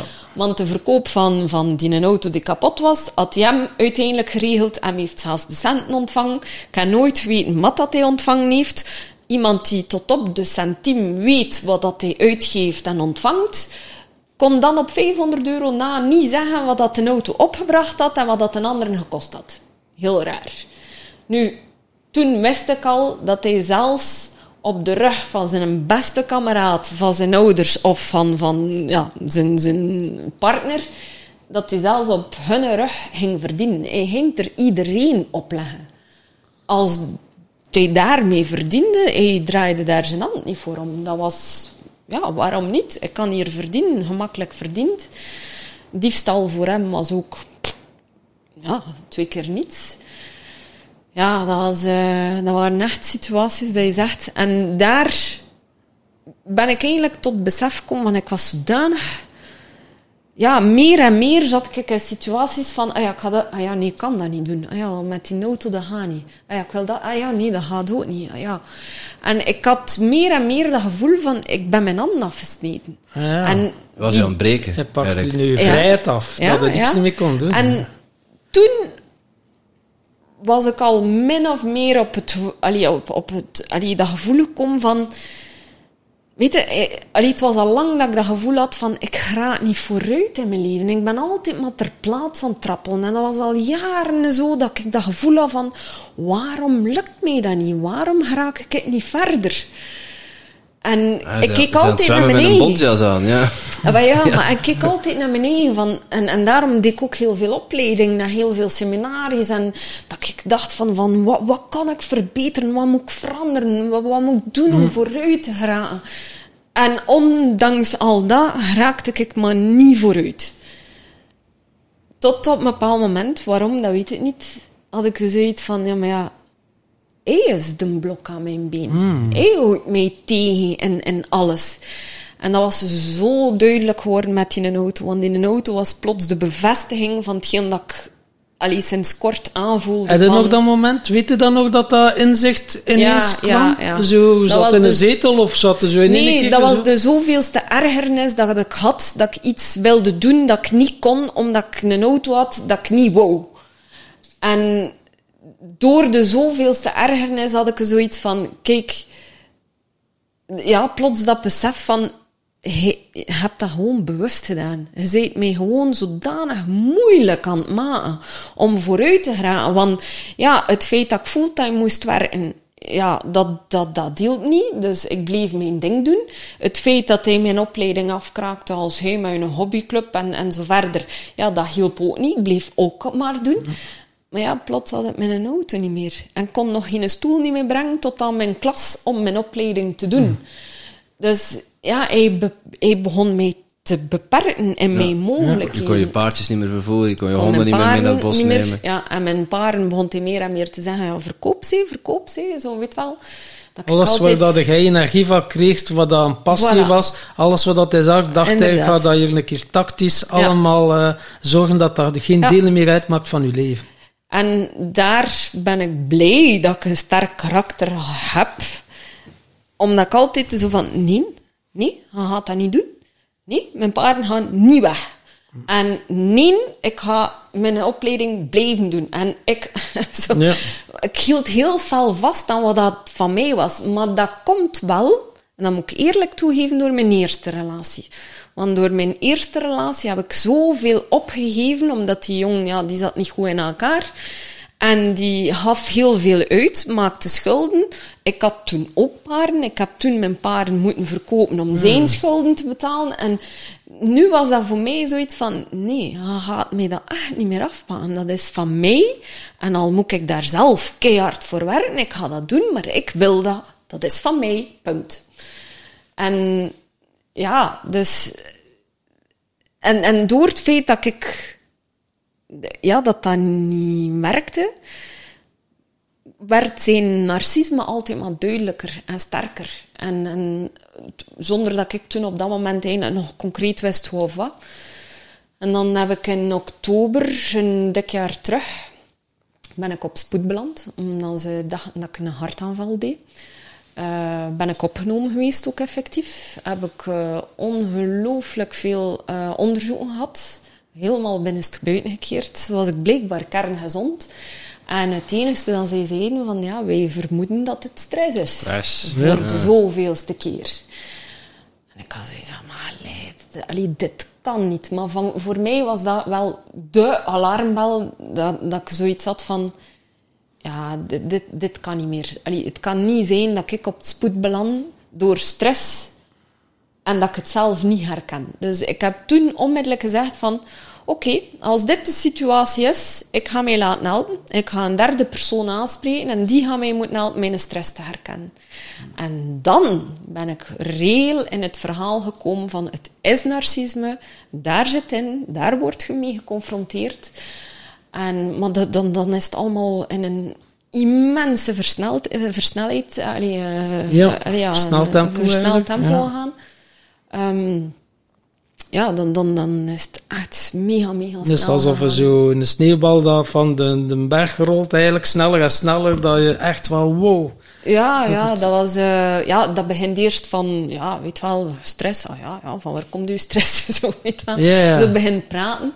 En ja, dan had ik die uitspraak achter iets aantal tijd, die uitspraak verteld van de kinesist. En, en ja, dan begin vertellen van, van thuissituaties. Had ik dan ook gezegd van, ja, maar kijk, door die uitspraak ben ik heel veel begin lezen, maar ik herken dat niet allemaal. En door te vertellen en te vertellen, ja, zei die mens plots tegen mij, maar Anja, zegt hij, je zit er dag, dagelijks in. Van s morgens vroeg tot vanaf, s'avonds ja. laat. En ik had zoiets van, hè? Zo van, Ja, ja. en, en dan gaf hij echt concrete voorbeelden van bepaalde uitspraken dat hij deed tegen mij. En eh, iedereen zal dat wel op een andere manier vertellen, maar hij zei altijd tegen mij, rustig, zeer rustig. We gaan rustig zijn. Maar echt honderden keren op een dag. En een van de dingen dat ze omschrijven in een, eh, van een narcist is dat hij zegt dat je chaotisch bent. En ik zeg, ik zeg, maar ja, natuurlijk, dat zijn standaard teksten, dat, dat, legt wel een beetje uit. En ik zeg tegen, die psycholoog, ik zeg, maar hij zegt dat niet hoor, tegen mij. Ik heb nog nooit tegengekomen dat hij zegt tegen mij. Maar hij zei wel altijd van dat ik eh, eh, totaal niet organisatorisch was. ehm, dat ik niet kon afspreken, dat ik rustig moest. We gaan rustig zijn. Hans dag door, we gaan rustig zijn. En hij zegt dat is gewoon een andere manier om eigenlijk hetzelfde te zeggen. Ehm, ja, en dan had ik zoiets van, oh my, inderdaad, dat zegt hij wel heel veel op een dag. En hij zegt, ja, dat is gewoon een techniek. Want hij zegt, door dat constant te herhalen, daar waar hij rustig zit, gaat het wel met een keer ergeren. En gaat zeggen, maar ben ik rustig? Wat dat ook effectief zo is. Maar ga je tegelijkertijd beseffen van, oei, ik ben precies helemaal niet zo rustig. En ga je beginnen geloven. Dan wat ga je zijn leugens geloven. Ja. Dus op die manier, eh, ja, was dat... Mag ik juist net wat? Ja, ja, dat mag. zeker. Wauw. Ja, wat een Heftige story. heftige story. Ja, ik ben nu echt wel een keer benieuwd wat dat die eh, mensen in beroep was. Volgens mij is het een politieker. Dat zou zomaar kunnen. Dat is macht, macht, zijn rustig, angst zaaien. Jullie, eh, jullie zijn chaotisch. ja, ja, vrijheid beperken. eh, ja, het heeft er toch alles van weg, ik de indruk. eh, het begint er wel naar te ruiken, ja. Maar toch zo'n beetje een keer vragen. Ik ben wel benieuwd. Wat denkt jij? Ik vind... Of jij weet het misschien al. Nee, ik weet het niet. We hebben het nog niet gevraagd. ja, het is wel heftig als je zo op alle vlakken wordt tegengewerkt. En ja, er ook aan werkt aan jezelf, dat dat blijkbaar ook niet voldoende is. En dat je dan... eh, het ergste is dat je dan... eh, Een narcist, helemaal vol van zichzelf. En die gelooft zijn eigen leugens. Dat hij ook iets probeert wijs te maken, waardoor je, dat je nog meer aan jezelf begint te twijfelen en dan ook begint te geloven wat dat er gezegd wordt. Ja, maar dat is heel toxisch. Ik heb het zelf ook drie jaar mogen meemaken. Misschien in een iets minder erge vorm, maar eh, er was ook... Je eh, hebt er gradaties in, hè? Ja. ja, ja, maar er was dan toch ook eh, mishandeling bij. hè. Niet enkel emotioneel, maar zelfs ook fysiek, Fysiek, ja. aangevallen. En eh, ja, en elke keer denken dat aan u ligt, ja, dat, is wel, eh, dat geeft wel een serieuze deuk in uw vertrouwen. Maar wel een krachtige vrouw, hè, man. ja, absoluut. Wauw. Ja, het punt waar dat ze nu staat is toch eh, Ja, hoe lang? Tien of twaalf jaar, zei ze. twaalf jaar geleden is die relatie begonnen. En het is nu anderhalf jaar geleden dat ze zich eh, uit het web heeft los, losge, ja, losgeslagen eigenlijk. hè. Ja, ja, ja. En opvallend hoe, hoe, hoe harder je spartelt, eigenlijk letterlijk alsof je in een spinnenweb vastzit. Hè. Dus hoe, harder, hoe harder je begint te spartelen, Meer dat je vastzit. hoe, hoe meer dat je komt verstrikt geraakt, ja, hoe meer dat je vast komt te zitten. Ja. En dan is het wel ja, een derde persoon die dan hulp kan bieden, die u een spiegel voorhoudt en die u die inzichten geeft. Dus dat is dan toch ook weer het belang van een begeleider. Een goede begeleider die je toch het laat zien, want omdat je toch vanuit het potje het etiket niet ziet, als Ja. je er middenin zit. En, en die je hulp, hulp toereikt, die, eh, die effectief helpt en niet eh, hulp die je wordt opgedrongen. ja, opgedrongen. ja, dus ook niet de hulp zo van je moet dat doen en dat doen. Nee, maar je het gewoon laat zien en het uit jezelf laat komen. Van, "Ah, oké, het aha-inzichtje van, wow. En dan kan je actie ondernemen en kan je veranderen, anders niet. Als het u wordt ingelepeld, eh, dan denk je, ja, het zal wel, maar... eh, Ja, dan blijf je iedere dag je pilletje vergif pakken. Hè. Ja. ja. klopt. We hadden eh, net een weddenschap gedaan. Voor, we zijn benieuwd naar het beroep van die persoon. Ik heb gegokt op een politieker. nee, toch niet. Nee? Ja, Oké, ik Is dat er wel, is dat er wel dichtbij, ik. Maar laat zeggen dat een verkoper het misschien even goed kan uitleggen. Ah, ja, ja, ja. Oké. Ja, ze, ze, ja, ja, de politici proberen nu ook allemaal van dingen aan te spelen. Tom. Ja, dus dat ja. Dus, eh, Ja, nee, nee, inderdaad. We, we waren eigenlijk op, op het kantelpunt gekomen waar, eh, waar dat jij besefte van dit kan zo niet langer. Eh psycholoog had jou doen inzien dat je verstrikt zat in het web van een narcist. En eh, ja, eh, voor jou was de maat vol en dingen zijn in een stroomversnelling. Ja, absoluut. Ehm, en een stroomversnelling. ehm, corona was toen ook net gestart. Oké. Ehm, dat heeft ook in zekere zin een invloed gehad. Dus ik heb die, eh, ja, die opname gehad in het ziekenhuis. Twee weken later hadden wij allemaal corona thuis. Eh, waar dat hij een grote bijdrage aan in, de koelkast. Nee. nee, helaas, helaas niet in de koelkast. Ehm, nee, hij heeft daar een heel grote bijdrage gehad. In de zin van, eh, mijn twee jongste kinderen waren thuisgekomen. Die zijn onmiddellijk in quarantaine gegaan, van zodra dat we dat wisten. En we heel, heel strikt en streng opgevolgd. Dat was nog voor de inenting, voor eh, dat we nog iets wisten. Toen waren er ook nog heel veel overledens. Ehm, nu, op een bepaald moment zei hij dan ook van, eh, ja, om, om wat te zeggen, hoe, hoe ver dan de leugens en de, het bedrog zelfs gaat. Ehm, dus eh, zegt hij op een bepaald moment, ja, ik voel me toch niet zo goed hoor. Ik, dat is duidelijk dat ik met Gillian lang in de auto zit. Hij reageerde zo van, oei, ah ja, waarom? Ja, maar ja, als je ziek wordt, hé, wilde dan alstublieft in quarantaine in de kamer gaan, want ja, dan moet je niet tussen de gezonde mensen lopen. Allee, ja, eh, uiteindelijk is blijven tussen ons lopen, met als gevolg dat wij dan uiteraard ook gevolgd zijn, want hij had wel degelijk corona, ook al heeft hij dat altijd ontkend. Eh, en het niet afval gaan nemen. Het is zelfs zo, de moment dat we onze test moeten, eh, moesten doen, is hij apart gereden, terwijl dat onze afspraken gezamenlijk liepen in hetzelfde ziekenhuis. Is hij vooraf gegaan. Eh, bij, allee, daar in het labo, ehm, waren we zogezegd wildvreemden. Had hij gelogen van het feit dat hij symptomen had. Had hij de huisarts niet opgegeven. Omdat hij natuurlijk wist dat ik daar ergens wilde weten wat dan de resultaten waren. Ehm, ja, finaal gezien eh, had hij wel degelijk corona. Is gaan werken met corona, zonder masker te dragen, zonder iets. In een fase dat toen voor ons ja, nog niet weten was wat dat was. En toen had ik zoiets van... Kijk, weet je, je kunt weinig respect hebben naar mij toe. Dat is één zaak. Dat is aan mij om te bepalen wat ik daarmee doe. Maar ik zeg, hetgeen dat je nu doet, is een gebrek aan respect ten opzichte van de mensheid. Dat is, dat, ik, ik vind dat gewoon totaal niet kunnen. En dan kwamen de eerste dreigementen. Dan, dan eh, was het eigenlijk van, eh, ja, je wordt er beter gebleven, 14 dagen geleden. Nu, mijn kinderen hebben dat dan gehoord en dan zegt van, ja, allee, wat zeg je nu? Je wenst dat toch niemand niet toe, dat er iemand komt overlijden of zo. Ehm, en, en zo zijn er eigenlijk in de periode die daarop volgde, en ja, ik spreek hier over een maand hoor, want eh, ja, eind oktober, ehm, ja, eind oktober lag ik in het ziekenhuis, Eh, begin november hadden we corona en eind november ben ik weggelopen. Dus dat, het is op een heel, heel korte periode gegaan allemaal. Ehm, nu, gelukkig, echt waar, gelukkig de- dat want ik de- de psycholoog had. De bedreigingen werden ook steeds erger. Ja, ja, ja, eh, ja. Dat, dat is al een, een indirecte doodswens, eigenlijk. Ja, we hadden er dan nog indirect. directer gevolgd. Daar, het werd eh, alleen maar erger. Ja, want ik ben uit, uit het ziekenhuis gekomen. En dan heb ik gezegd van, kijk, de huidige situatie waar dat wij nu wonen, dat gaat niet voor mijn gezondheid. Dus ik zou graag dat we de woning verkopen. Ehm, toen was het nog niet naar de psycholoog geweest, want dat was eigenlijk echt direct erachter, achter de opname.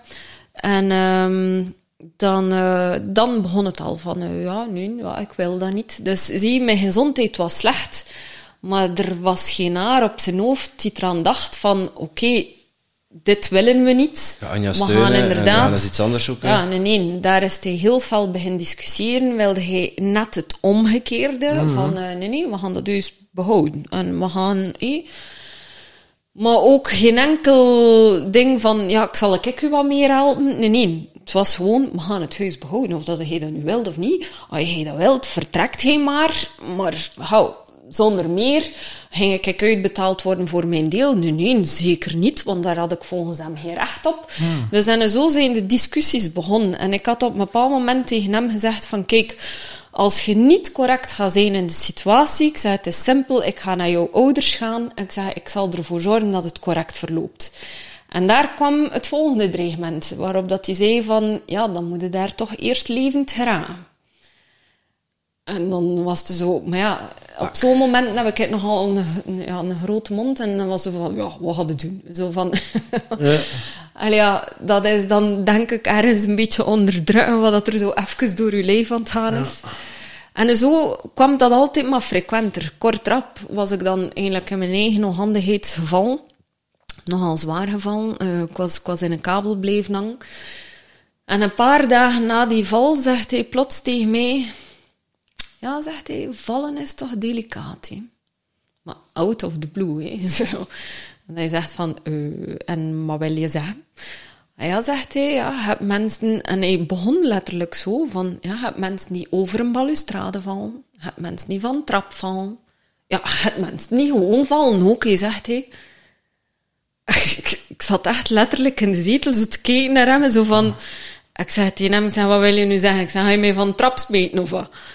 Ah nee, zegt hij, ik zeg maar, ik zeg maar. Dat Zo, zegt, ja, ja. Dat waren, dat waren de, de laatste gesprekken. En Psychologisch, eh, wauw, ja. ja, dat was zo constant. En, en ja, de laatste weken heb ik ook elke vorm van gesprek die er was, is opgenomen geweest. Omdat ik zoiets had van, dit risico loop ik niet meer, want dat wordt hier zodanig gevaarlijk, Hans, dat spel. En nooit gedacht om eh, de politie in te schakelen of zo? Ja, ja, ja, toch wel. Op een bepaald moment is het zelfs zo geweest. Maar ja, ik zeg het, we zitten niet recht op... op, op- Ja. op, op- ja, eh, wat is een maand? Dat is 30 Ja, dagen, weet je wel. Tuurlijk, ja. Ja, het is voorbij. Dus, het is eh, twee, twee, keer, eh, twee keer slapen, het is voorbij. Ja, wel, Ja. inderdaad. Ehm, ik was door corona ook apart beginnen slapen. En door het feit dat dat altijd maar erger en erger kwam, ben ik blijven apart slapen. Ehm, maar dat maakte natuurlijk ook mijn situatie erger, omdat ik ja, eigenlijk sterker en sterker kwam in wat dat ik wou. En, en meer en meer mijn eh, ding doordreef. En dat was ook de reden waarom dat de situatie aan het escaleren was. Maar dat heb ik ook pas nadien begrepen door ja, verschillende keer dan naar de psycholoog te gaan. Ik zeg het, ik heb een gigantisch geluk gehad dat ik die mens had heb, Ja. omdat hij mij echt begeleid heeft in dat proces. Dat hij zei van, ja, kijk, je hebt die situatie achter de rug. Waart er u niet bewust van. Eh, de escalaties die je gehad hebt, dat- dat zijn de momenten daar waar dat je ja, je ding hebt proberen doordrijven. Maar zegt, ja, nu komt op een punt dat je een beslissing genomen hebt van, kijk, dit wil ik niet. Want dat was voor mij wel heel duidelijk. En ook, een van de redenen was mijn kinderen. Want ik had zoiets van, ja, ik moet een voorbeeld zijn voor hun. Voor hun verder leven. En als ik dit tolereer, ja, wie ben ik dan? En hoe was het dan eigenlijk de relatie tussen jouw kinderen en hem? Was die dan ook constant aan het manipuleren? Of hadden je kinderen ook al meermaals gezegd van... Alleen mama, zie je dat niet? Of waren ze te jong om dat... nee, eh, nee, we- laat op. De, de jongste was vier jaar toen dat, want dat, ja, dat is ja, ondertussen 13, bijna 14 jaar geleden. Dus we zijn 12 jaar samen geweest. ja. Eh, dus ja, in het begin waren zij sowieso te klein. En dan in de goh ja, zeven, zeven jaar terug. eh, dus op een bepaald moment, de moment dat de firma, dus dat mijn vader de algemene aanneming eh, gestopt is, ik ben mijn eigen gang gegaan. Een paar maanden later zijn mijn beide broers overleden in een ongeval. Oeh. Dus wij hadden eigenlijk echt wel ja, redelijk veel. Mijn mama had eh, een paar maanden daarvoor haar jongste broer verloren in een eh, vliegtuigcrash. Allee, dus er was redelijk veel aan het gebeuren in de, familie, in de familie. En Guillaume zat zojuist in zijn, in zijn puberjaren. Dus, en, en ja, hij zat zo niet goed in zijn vel en, en tegenspreken en zo wat. Wat dat eigenlijk al bij al, achteraf bekeken, is nooit echt een puber geweest. Maar ik had, of ik dacht, ik had zo zeggen, van oké, er zijn te veel overlijdens geweest kort achter elkaar, want een jaar of twee jaar daarvoor was zijn biologisch papa. Uh, ja, kort daartegen was er dan een onkel, uh, uh, waar dat hij ook gehecht aan was, dat hij verloren, allee, dat we verloren hadden. En ik dacht, ja, het is gewoon te veel geweest. Hij kan dat niet verwerken. Hm. Hij kan dat niet... want wat was er gebeurd? Hij was in discussie gegaan met Bart. En nu, mijn kinderen zijn en ben daar eigenlijk wel blij om, verbaal zeer sterk. En hij won, hij won de situatie niet. En hij werd geen meester van de situatie, hmm. Bart. Dus wat heeft hij gedaan? Hetgeen dat ik daarnet vertelde, hij heeft eigenlijk naar de keel gegrepen van Guillaume. Nu, op dat moment stond ik gelukkig in een situatie. Guillaume stond op de binnenkoer en Bart in de, in de Nahaar. En ik heb eigenlijk gewoon de poort toegeschoven met de armen ertussen. Dat ik dacht van, kijk, je gaat wel moeten loslaten. En daar heb ik beslist van, kijk, mijn ex-partner kan het niet veranderen. Hij is wie dat hij is, het is een volwassen man. Maar ik had zoiets, het dat ik wel invloed kan op hebben, is hoe dat mijn zoon hem voelde in zijn vel. En om te vermijden dat er discussies zijn, moet je hem terug kunnen hoeven in zijn vel. Dus ben ik dan met al mijn kinderen naar een kinderpsycholoog geweest. Nu, dat was ook een heel felle verrassing, want daar waar dat ik dacht dat aan de overledens lag, lag het dus gewoon aan de, de strijd die zij ervaarden in de, in de gescheiden situatie. Dus zij hadden zo constant het gevoel blijkbaar die uiteraard grotendeels door mijn ex gecreëerd werd van kijk, wij zitten in een tweestrijd tussen de twee situaties. Uh, we kregen constant het gevoel dat we moeten kiezen. ja. ja. dat, werd, ehm, dat, werd, gevoed door jouw uh, toenmalige partner. Ja, ja, ja, heel sterk. Ja, sowieso. Ja, hij sprak dat ook letterlijk uit. Uh, want de dag dat hij mijn dochter bij de keel gegrepen had, was gewoon met omdat het kind aan het bellen was met haar papa. En dat stond hem niet aan. En hij had altijd wel een heel uitgesproken mening over uh, een papa. Uh, waar dat ik altijd zei van, stop daar nu mee, we kennen uw mening, oh zo voor u, je moet ze daarom niet elke keer uitspreken. Um, maar laat die kinderen met rust, dat, dat is hun papa, zij zien hem graag, ze hebben ook dat recht. En, ja, weet wel, en hij moet dat aanvaarden, punt. Um, nu, zij heeft haar papa in de discussie verdedigd, wat dat logisch is, het is haar papa. En op een bepaald moment is er daar zo'n hevige discussie ontstaan. Maar ik was, ze had een telefoon doorgegeven aan mij, dus ik was toen met een, uh, een papa aan de telefoon. En um, zij waren onderling aan het discussiëren en plots ja, had hij terug het gevoel dat hij de, de discussie, dus zij was hem zelf ook een beetje blok aan het zetten, omdat ze verbaal ook heel sterk is. En ja, terug een gelijkaardige situatie heeft hij naar haar keel gegrepen. En dan is ze zo maar echt beginnen roepen. Ja, dan, dan direct telefoon toegesmeten en zo verder. En, en uh, ja, eh, de, de situatie bekeken zoals dat was. Ik zeg het, ja, die, die periode heeft mijn dochter drie nachten met de deur ja, ja, op slot geslapen uit schrik dat er iets Dan zei ze ook wel, mama, nu is het genoeg. Uh, ja, ja en nee. Uh, dat was toen ook weer zo'n situatie, meer angst vooral die er was. Mijn zoon, door de situatie dat hij had, had, had een soort afstand genomen en was heel vriendelijk, heel correct, altijd geweest. Um, maar heel oppervlakkig. Hij had daar totaal geen pak op en geen invloed op. Wat dan nu bij mij duidelijk is, waarom dat hij eigenlijk Guillaume weg wilde uit het beeld omdat hij, hij, hij, kon niet inschatten wel wat dat Guillaume ging doen. En hm. meermaals heeft hij de situatie zodanig willen forceren. En dat heeft hij altijd onderschat, een band dat ik had met mijn kinderen. Hm. Wat te proberen ontwrichten. Je hebt dat altijd geprobeerd. Vooral met mijn oudste zoon. En um, je heel fel proberen mij en Guillaume tegen elkaar op te zetten. Ah. En, en uh, vaak ook gezegd van, ja, ga naar je vader en uh, je moet vertrekken en dit en dat. Dat is hem nooit gelukt. Um, nu, bij mijn dochter, de moment dat die situatie gebeurd is, vanaf dan is de manipulatie bij haar ook gebeurd. Dus heeft ze dan dat, dat, allee, die techniek dan ze hebben, dat ze compleet negeren. Maar echt compleet. Dus heeft zij x aantal dagen...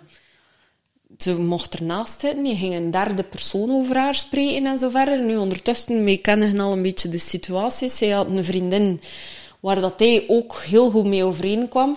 En dat ik zei van, kijk Kamike, bel uw vriendin, laat ze naar hier komen.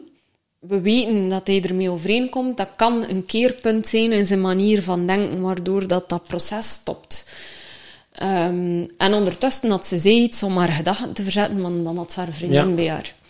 Allee, zo gezegd, zo gedaan. Dat meisje komt toe. Hij heeft dat toch nog een paar uur volhouden. Dat hij tegen uh, dat meisje aan het praten was, waar dat Camille bij zat. Maar in derde persoon compleet, maar echt compleet negeren. Dat heeft een verschrikkelijk gevoel, want daar zijn ze heel sterk in, narcisten.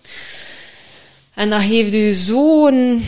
Dat kleineert u, maar gigantisch fel eigenlijk. Allee, je voelt u zo, zo klein en zo... Ja ja, precies of dat je niets eet en Nietig, niets betekent. Ja. En uh, ja.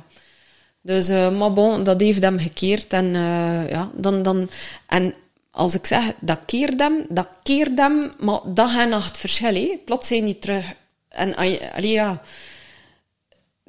De, de kunst is, een keer dat we wisten wat dat was, was de kunst vooral meegaan in dat spel, laat maar zeggen. Want Allee, een normaal iemand kan die switch zo snel niet maken. Hij zit nog met dat gevoel van, ja, het mij hier zo ge, -hmm. geblameerd, gekleineerd, genegeerd. Ge... Dus kunt die switch niet maken. En hij blijft nog meestal in die, die dingen van, van, ja, ik voel me niet goed. Hé. Maar dat is plotseling of dat er niets aan de hand is, niets gebeurd is, en dat je terug beste, beste, beste vriendjes zit. Mm. Dat is, ja, met een vingerknip switcht dat gedrag. Gewoon het licht aan. Ja. Van donker naar... Ja. En dan natuurlijk, ja, kom aan de finale fase, dan moet je ervan vertrekken. Maar moet je ervan vertrekken? Um, ik ben bij de psycholoog geweest en toen was er een verhaal, maar dan waren die, dreig die dreigingen uh, allee, op dat moment aan de orde. En toen heeft hij hem gezegd van, kijk Anja, zegt hij, nu ga je goed luisteren, zegt hij, als je hier nu buiten gaat, zegt hij, hij aan x aantal mensen uh, een telefoonnummer geven van de lokale politie. Ga je met hen afspreken van de dag dat ik bel en ik zeg niets, dan bel je naar dat, nummer van de lokale politie. En zegt hij, gaat naar de lokale politie, gaat uw verhaal gaan doen, want als zij die een telefoon krijgen, dan zij weten met welke persoon dan zij te doen hebben. Ja, dan, dan weten van, ja, dit, dit is, allee, hier wordt het gevaarlijk. Hans, de situatie wordt duidelijk heel gevaarlijk. En, zegt hij, en dat was zijn laatste, gezorgd dat er een valies zit in jouw auto, zodanig dat je elk moment kunt weglopen. Zit hij zelf? Psycholoog. De psycholoog, De psycholoog, ja. ah, oké. Ik heb nooit kans gehad. Een paar dagen later ben ik eigenlijk ja, moeten weglopen. Te vluchten? Ja, letterlijk. Ik heb alles achtergelaten. Alles, uh, dus wat was er gebeurd een paar dagen later? Net als elke zondag wilde ik gaan brunchen bij mijn mama. Um, en ik werd geblokkeerd. Dus ik kon niet meer weg. Ik kwam beneden en hij zat boven. Ik wist dat niet. Uh, ik had er toch had naar de bakker geweest. Alles leek sava, laat maar mhm. zeggen.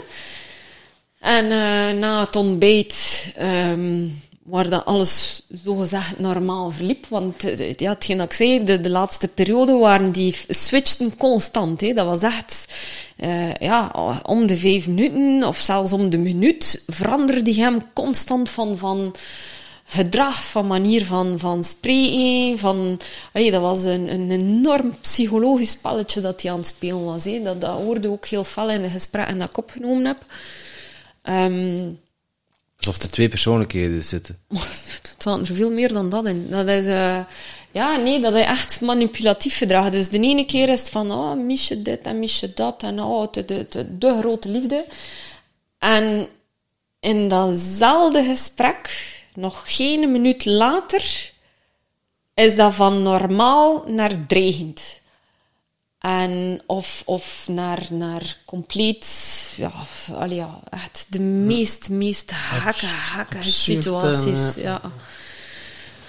Um, nu, ik zeg het, ik had dat wel voorspeld gekregen van, van een psycholoog, dat hij zei van die situaties, door het feit dat je voet bij stuk houdt, gaan die alsmaar extremer worden. Ja. Dus hij zegt, als je wilt doen wat je gaat doen, en dat is de stap nemen om te vertrekken, zegt hij, gaat je echt, echt moeten voorbereiden, zegt hij.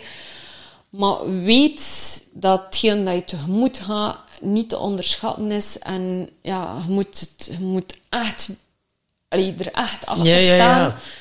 Ehm, want het, het is echt niet gemakkelijk. Allee, het, is, het is echt niet gemakkelijk. En allee, kan, op vandaag kan ik alleen maar zeggen, je hebt daar... Ja, allee, met hulp maakt het, ik kan het niet zeggen makkelijker, maar... ja, het is Met, toch, met eh, alles wat dat je geleerd hebt en mensen die zich nu herkennen in die situatie, wat zou je en nu eh, als tips, eh, als dingen willen meegeven van kijk, als je die beslissing neemt, ja, je hebt niet de kans gehad om je valies te vluchten, omdat Mhm. die er zat. Wat, wat zou jij kunnen meegeven? Wat zou je dan anders gedaan hebben met alle informatie dat je nu hebt? Ik denk dat het, ehm, het, mo- het moeilijke aan de situatie is, en ik ken verschillende mensen die in zo'n situatie zitten, eh, dat ik nu van op afstand bekijk en dat extreem pijnlijk is om te aanzien, omdat ik het heel, heel goed herken. Ehm, is vooral, en de- ja, al als, als, als tip is het zo moeilijk, omdat ik weet dat niet alleen weten wat dat er aan de hand is, dat is niet voldoende. Je moet het ook echt geloven dat het niet oké is. Ehm, want door de manipulatie en door het psychologische spelletje, want dat was ook een van de vragen dat ik stelde aan de psycholoog, hoe kan dat, dat ik zo iemand graag gezien heb? Hoe, hoe kan dat? En ja, hij heeft daar de nodige uitleg aan gegeven van welke technieken dat zij toepasten. Maar het is echt, en dat is zo belangrijk, en ik versta dat dat voor zoveel mensen die in de situatie zitten, eh, weet ik dan de meesten gaan zeggen, ja, maar in mijn geval is het, is het niet zo. Het, is toch nog anders, of het is zo. Of er gaat altijd wel een reden zijn, maar is weten van, kijk, ehm, hij, hij gaat nooit die lieve, attente, leuke persoon zijn eh, dat hij af en toe een keer een beeld van heeft of lange tijd geleden geweest is, want hij is manipulatief en eh, de, het, het, het wordt de, uw ondergang. Sowieso. Sowieso. Voor de persoon die het slachtoffer ervan is, het is de ondergang van die persoon. En, en u eruit trekken is echt geen evidentie, maar is niet alleen weten wat dat er is, is ook geloven en proberen boven de angst te staan dan ze, ja, dan ze in, inbouwen. Dan ze, want ja, ze, ze teren op angst. Ja, ze voeden zich er echt Ja, mee. hè. natuurlijk. En dat is hetgeen dat ik daarnet vertelde, voordat we gestart waren. Ik heb dat seminarie gedaan bij, eh, bij Karel, nu samen met jullie. Wel, de dag erop, eh, de rechtszaak is nu gestart, dus we zijn twee jaar verder. Allee, ja, of anderhalf jaar verder. Ehm, ik ben eigenlijk anderhalf jaar op mijn gemak geweest, omdat hij blijkbaar bij de aankoop van de woning, dat zijn zo allemaal van die dingen die nadien uitkomen, stond er een clausule in dat ik niet kon in onverdeeldheid gaan. Dus ik kon en mocht de woning niet verkopen binnen de twee jaar na het uit elkaar gaan. Ehm, nu, de, de zaak is nu gestart. Bij een narcist is, van elke narcist, eh, is geld belangrijk. En bij hem is dat niet anders. Voor hem is macht. dat een, Ja. ja, inderdaad. En ik weet ook dat, ook al is dat mijn deel van de woning en ook al is dat mijn recht in zijn hoofd, is dat van nee, zij heeft dat recht niet en dat is van mij. En alles wat dat hij mij nu gaat uitbetalen, aanziet hij als zijnde van ik zit aan zijn centen. En hoe erger dat hij dat gaat ervaren, of hoe erger dat hij voor zichzelf dat verhaal zal maken, hoe erger dat de reactie zal worden.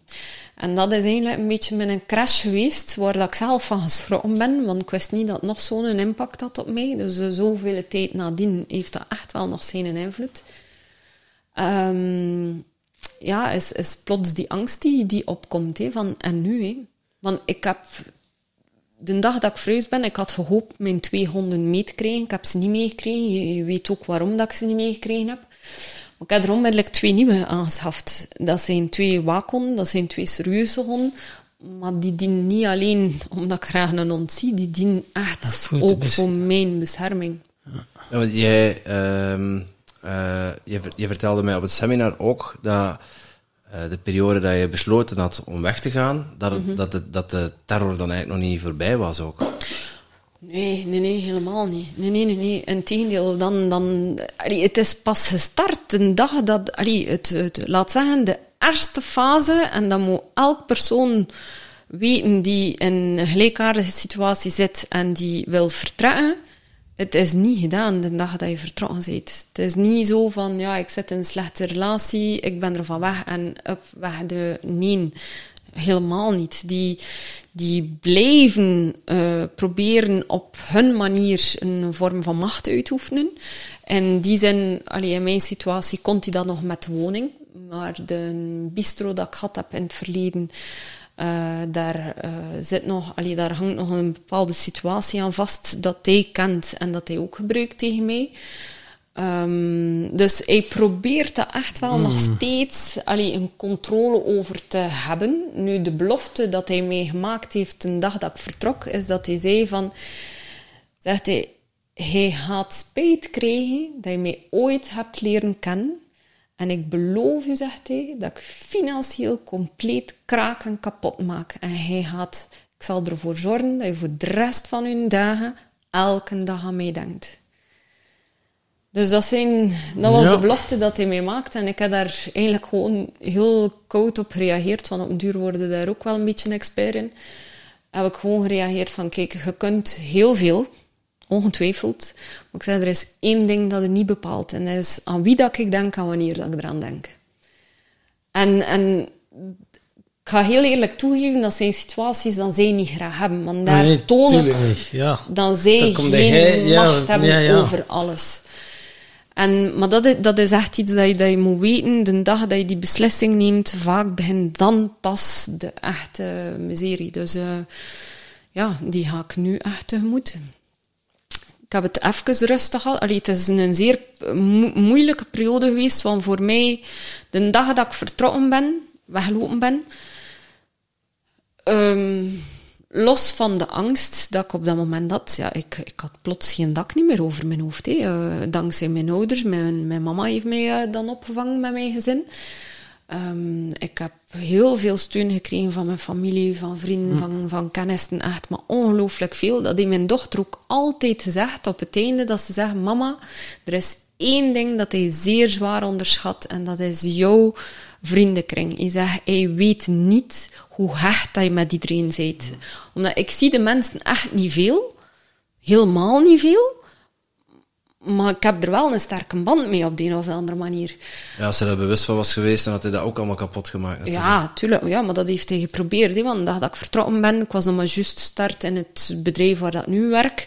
Ja, dat was zijn, zijn een, ja, thuisbasis, laat maar zeggen. Omdat hij altijd... ehm, de firma waarvoor dat ik werk, was leverancier van een firma waarvoor dat hij gewerkt heeft. 18 jaar aan een stuk. Dus hij kent die klanten, hij kent mijn collega's, hij kent iedereen. Ja, hij heeft mijn familie gecontacteerd, hij heeft eh, klanten gecontacteerd, mijn collega's gecontacteerd. En overal heeft hij een verhaal. En, en tegen dan al de verhaaltjes teruggekomen waren bij mij, waren er vijf verschillende versies. En dat waren allemaal verschillende versies. En hij past zijn verhaal aan aan de persoon dat hij heeft tegenover hem. Dus elk doel was... Ofwel was het een soort van eh, ja, compassie en begrip krijgen. Van, eh, ja, weet je... ehm, het is door haar broers, haar broers zijn overleden en ze heeft, eh, ja, weet wel, ze was niet meer wie dat ze was en, en zo verder. Dan waren mensen die heel dicht bij mij stonden en dat die wist van, ja, hier moet ik geen kwaad over spreken, want dat gaat Ja, niet ja. Dus dat was een aanvaardbaar verhaal voor hen. Maar nog altijd, nog altijd uw schuld. Altijd. In elk verhaal was het mijn schuld. Op, op een of andere van, dat ging van een een sava verhaal naar het meest degoutante verhaal. Dus, uh, en de moment dat die verhalen terugkomen, ja, dat is allemaal kort nadat je uit elkaar gaat. Uh, er is, ik ben toen, kan het bijna zelfs niet omschrijven door wat dat ik toen allemaal gegaan ben, want dat was zo intens en zo extreem. Ik heb alle emoties doorstaan en alle, ja, ik, weet het niet. Het, gaat van het ene extreme naar het andere extreme. Uh, mijn dochter zei altijd van, uh, ja, zij beter af zonder. um, en zij zei Hans van, ja, kijk, zij had liever gehad dan ze zeiden van het is narcisme, dan was de kous af en voor haar, zij moest hem nooit meer zien. En ik zei juist omgekeerd. Ik zeg, ik had zoiets van, ik zou liever hebben dan ze zeggen dat hij rot karakter heeft, en dat ik alsnog mijn, mijn negen weg ga, dan dan ze zeggen dat hij narcist is. Want als hij narcist is, dan moest ik tot het besef komen en er bij neerleggen dat de voorbije twaalf jaar van mijn leven één leugen was. En dat de persoon dat ik dacht die mij graag ziet, mij eigenlijk nooit graag gezien heeft. Nooit. Omdat ze dat niet kunnen. Nee. Ze, ze, ze kennen dat gevoel niet. Voor, voor hun is, is macht en, en alle, alles heeft een doel. Is, is een kennissenkring of uh, ja, een netwerk dat ze kunnen opbouwen. Of, of ja, ergens een, een of andere trap dat je hun kunt geven in hun carrière. Of, er is altijd wel iets waarom dan ze jou willen en waarom dan ze u ja, in hun normen aanvaarden in hun leven. Of, of uh, ja, en dan, dan misbruiken op hun manier. En ja, de dag dat ik wist dat narcisme was en dat ik dan vertrokken ben, dat is keihard binnengekomen, dat besef van, wauw, weet wel, alles maar... En dan loopt het echt al, al de momenten dat je dan en denkt van, allee, dat kan, dat kan u toch niet, dat, dat hij dan mij niet graag gezien heeft. Ja, ja, dat kan wel. Het is echt één en al psychologisch En dat is zeer, zeer moeilijk geweest. Extreem moeilijk geweest. Heftig, ja. En, en dan, je vertelde net uh, dat je gecrashed was en na, na het seminar van, van, van, uh, van Carlo van der Velde, uh, dat je emotioneel, mentaal, fysiek ja. gewoon terug onderuit. Ja, compleet. Ik dacht dat ik er op zich uh, sava mee kon omgaan, want ik praat er op zich wel zeer gemakkelijk over. Um, dat is twee maanden geleden. Uh, ja, inderdaad. Um, ik heb drie weken effectief niet gewerkt, drie of vier weken zelfs. Um, ja, een soort, ja, echt, echt, echt een crash. Uh, compleet, compleet erdoor. Um, ja, ik kan bijna zelf niet verklaren aan wat. Uh, sowieso als gevolg van. Dus uh, wat was er gebeurd? Een dag erop had ik de brief van de advocaat gekregen waarin dat er dus voor de zoveelste keer, je moet weten, de dag dat ik dan effectief verhuisd ben, officieel verhuisd ben, en dat ik mijn grief meegekregen heb, dacht ik.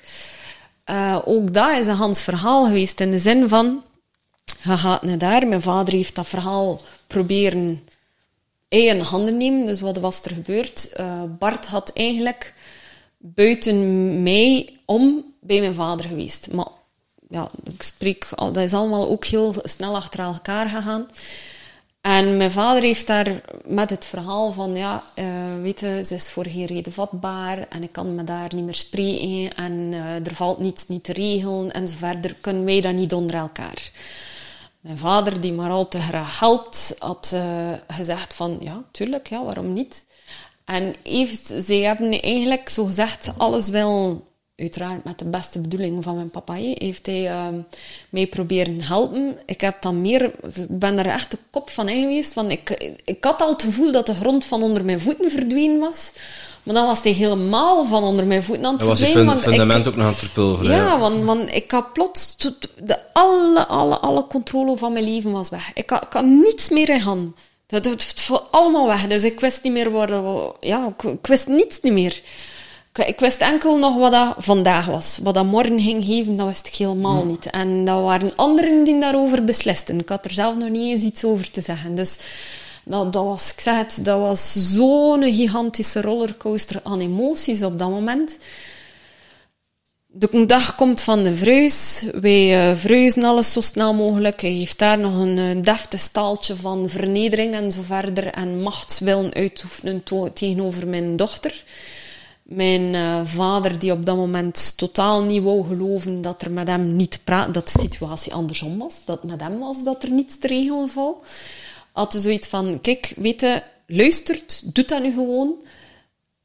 We hebben dat gedaan maar nu, achteraf bekeken, weet ik ook waarom dat alles op een bepaalde manier gelopen is tijdens die verhuis. Dus een narcist kan echt wel heel chaotische situaties creëren. En dat gaat chaotisch voor ons overkomen, maar voor hen is dat zeer, zeer, zeer duidelijk. Um, dat zijn situaties dat zij bewust creëren om verwarring bij jou te veroorzaken en eigenlijk terug een voordeel zij eruit te halen. En zo is eigenlijk Hans die Vreus ook gelopen. Op die manier heeft hij eigenlijk meerdere zaken doen verdwijnen. Uh, ja, want een deel zat zogezegd al in vuilbakzakken, een ander deel zat nog in huis. Dus we wisten eigenlijk helemaal niet wat hebben we mee, wat hebben we niet mee. Tijdens het laden van de camion was hij zogezegd de hulpvaardige persoon die altijd meeliep met een karton. Maar wat dan niemand door had, dat hij tegelijkertijd ook met een karton terugliep. En de stallen dat we uitgekeust hadden, dat die eisten van mijn dochter dan ze gekeust werden voor de verhuis, die lagen volledig buiten ons baantje van camion huis. Dus alle dozen dat hij deed verdwenen, ging gewoon regelrecht naar de stal. En we hebben het nooit gezien. Niemand heeft geweten dat er, dat er grief verdween tegelijkertijd. Dus... Um, ja, pas echt bij de reële, uh, ja, het legen van de camion, ja. uh, alles in, in, in, in, elkaar steken. Maar, uh, tot, tot op vandaag zijn er nog steeds zaken dat we ontdekken van, tja, waarmee dat ook niet mee. En hoe en waar is dat naartoe? Natuurlijk, het eerste dat opvalt, ja, meubels die, die niet compleet zijn. Hè. Dus van een, een, bureau bijvoorbeeld twee poten die verdwijnen. Want hij had ze al uit elkaar gehaald, zo behulpzaam als hij was uh, waarschijnlijk. Ja, sommige dingen wel, andere dingen niet. Uh, van die een bureau was het nu toevallig mijn zoon die het uitgehaald had. En daarom wist hij ook heel, heel, heel zeker dat de vier poten verpakt zaten samen. Ik heb ja. ze zelfs op foto, dus we hebben dat kunnen achterhalen. Um, maar bij het uitladen waren er maar en twee. bij het uitladen waren er maar twee poten. Uh, een, um, een, uh, allee, zo'n, uh, allee, een dressoir, allee, een dressoir, ja, een lage kast met een lades. Kast, ja. Een lade die daaruit is. Een bureautje die, waar dat er ook een ladeken uit is. Een vitrinekast waar dat er een glazen schuifdeur uit is. Oh, dus alle meubels dat ik mee had, Bewust. waren niet compleet. Ja. En dat was een van de zaken dat hij mij belooft dat ik zal elke zorgen dat je elke, dag, aan mij denkt. Ja, ja. Dus wat doe je als je naar een meubel kijkt en het is niet compleet, dan ga je daaraan denken. Dus constant, en wat heb ik tegengekomen, en dat is hetgeen dat ik heel sterk ervaren heb nu terug bij, uh, na dat seminarie, dus ik kreeg die een brief. En dan terug komt hij met een paar vragen en verhalen en de fantasie kan weer niet op. Maar dan kwam terug dat besef dat hij nog steeds bezig is met die belofte dat hij meegemaakt heeft. Van, ik ga je financieel kraken en hij gaat elke dag aan mij denken. En dat was zo letterlijk af te lezen in dat, in dat schrijven. En dat, ja, dat is zo keihard binnengekomen dat ik zoiets heb van... Kijk, ik ben nu al zoveel tijd alles aan het heropbouwen. Alles terug aan het weet wel, een spaarpot dat ik door de jaren heen, door omstandigheden, onrechtstreeks of rechtstreeks door hem terug aan het heropbouwen, mijn leven aan het heropbouwen, die, al die angsten overwinnen aan het heropbouwen. Weet wel, u alles, alles terug aan het heropbouwen, zelfvertrouwen, um, alles, uw eigen verhaal terug creëren. En dan heb je die een brief en dan is dat maar echt, echt exact, bijna letterlijk lijkt een pudding ja, in elkaar. en het, het, het, doet dan natuurlijk, dat zijn dan dus punten, heeft het al gecreëerd. Dus ja. ergens die, en dan is het gewoon maar die een knop indrukken. Voilà, dat is wat dan nu met corona ook is. Dat zijn allemaal knoppen die al geïnstalleerd zijn. Dat is allemaal voorgeprogrammeerd. En dan moeten ja. ze maar gewoon, ah, die een toek, en alles komt samen, want ja. heeft dat al allemaal gecreëerd met de emoties en al erbij. En dat is pure ja, hypnose, manipulatie. NLP, dat is, ja. Dat is gewoon, ja, zo. Ja. En, eh, en dat is op een manier gebruiken, ja, tegenovergestelde van mensen willen helpen. En eh, Ja, dat is gewoon ja, ja. vernietigen. Dan Ja. ze dat, ja, dat is wel... eh, Ja, dat was extreem heavy. En, eh, maar ja, ik ben echt gecrashed hoor. Want eh, er waren dagen dat ik ja, ofwel constant sliep, dag, dag, dag en nacht. Andere dagen dat ik alleen maar huilde. Dat echt complete, complete crash. Ja, tuurlijk. Ehm, ik moet wel zeggen dat ik op, op dit punt wel sterk genoeg ben om het ook te herkennen en te beseffen van dit kan niet en hier moet ik iets aan doen. Dus ik ben dan onmiddellijk terug, ja, elke week die psycho- psycholoog gaan inplannen. Dat ik zei van, ja, kijk, eh, allee, dit, dit moet hier zo snel mogelijk terug aangepakt worden. Mijn voeding, eh, heb ik daarnet verteld, heel sterk gewijzigd. Maar heel sterk gewijzigd om body en mind Radicaal echt... zelfs, hè? Want Ja, jij, ja, eet geen brood meer, geen pasta, Ja. geen Ja, ja, het is... Aardappelen. Ja. ja. smoothies Heel- en groenten. smo- Smoothies en groenten, echt alles gebaseerd op verse, verse producten. Echt, ja, tijd ook steken in mijn eten. Ehm, eh, ja, mij heel open gezet. Want ik zeg het, het dieet dat ik nu volg zijn, zijn de, de gekste combinaties ooit. Maar ik had dus zoiets van, ik sta ervoor open, ik ga het gewoon allemaal proberen. Maar in de volle overtuiging van dat mijn doel echt was van, kijk, body en mind terug op één lijn te zetten, eh, kom af te maken met de langdurige gevolgen van stress. Ehm, ja, gewoon terug sterk zijn, ook omdat ik weet, de rechtszaak is nu gestart. Ik ga een halsperiode tegemoet, dat is een feit, dat weet ik. Ehm, dus ja, ik ga mentaal gewoon ook effectief sterk moeten zijn. En aan de ene kant, het moment zelf dat ik het meemaakte, had ik zoiets van, dit kan niet, dit kan niet, dit kan niet. En ik was eigenlijk eerder kwaad dat, dat dit nog steeds die een impact had. Maar langs de andere kant had ik zoiets van, ik ben eigenlijk blij dat het nu gebeurd is. Want het is nog net voor hetgeen dat komen zal. En ja, nu kan daar ik hij- volledig En voorbereiden. daar gaat hij ook bij zijn natuurlijk, bij dat proces. Ja, En daar gaat hij zich verkneukelen aan uw ellende. Juist daarom. Dus dat dat hij niet mag zien. Maar het, is, het is wel eh, een feit, door die dingen allemaal mee te maken, het versnelt je proces om spiritueel te ontwaken. Ah, het is ja, zo ja, heftig, je staat nu zo open, dat gaat echt wel op iets, hey, dat gaat je echt nog heel veel opleveren. Want de mensen die zo diep zijn moeten gaan, precies dat je dat nodig hebt om Mm. het echt open te maken en je maximum potentieel Ja. te kunnen benutten. Want je hebt hier nog een belangrijke taak te doen, hier in deze, Ja. in deze wereld. Maar daar kiezen ze mensen voor uit die echt die dieptes zijn moeten gaan, eh, gaan voelen, dan moeten leiden om nu heel veel mensen te kunnen helpen. Ja, dat is eh, inderdaad een wake-up call. Immens. Ehm, maar je komt maar tot dat punt, de moment dat je het echt ook gelooft dat hetgeen dat je in, le- in leeft, een leugen is. En dat niet kan. Ehm, omdat ik maar al te goed besef dat je, ook al zit je in die situatie, veel mensen gaan je van buitenaf zeggen van ja, dat is niet oké en doet er wat aan en dit en dat.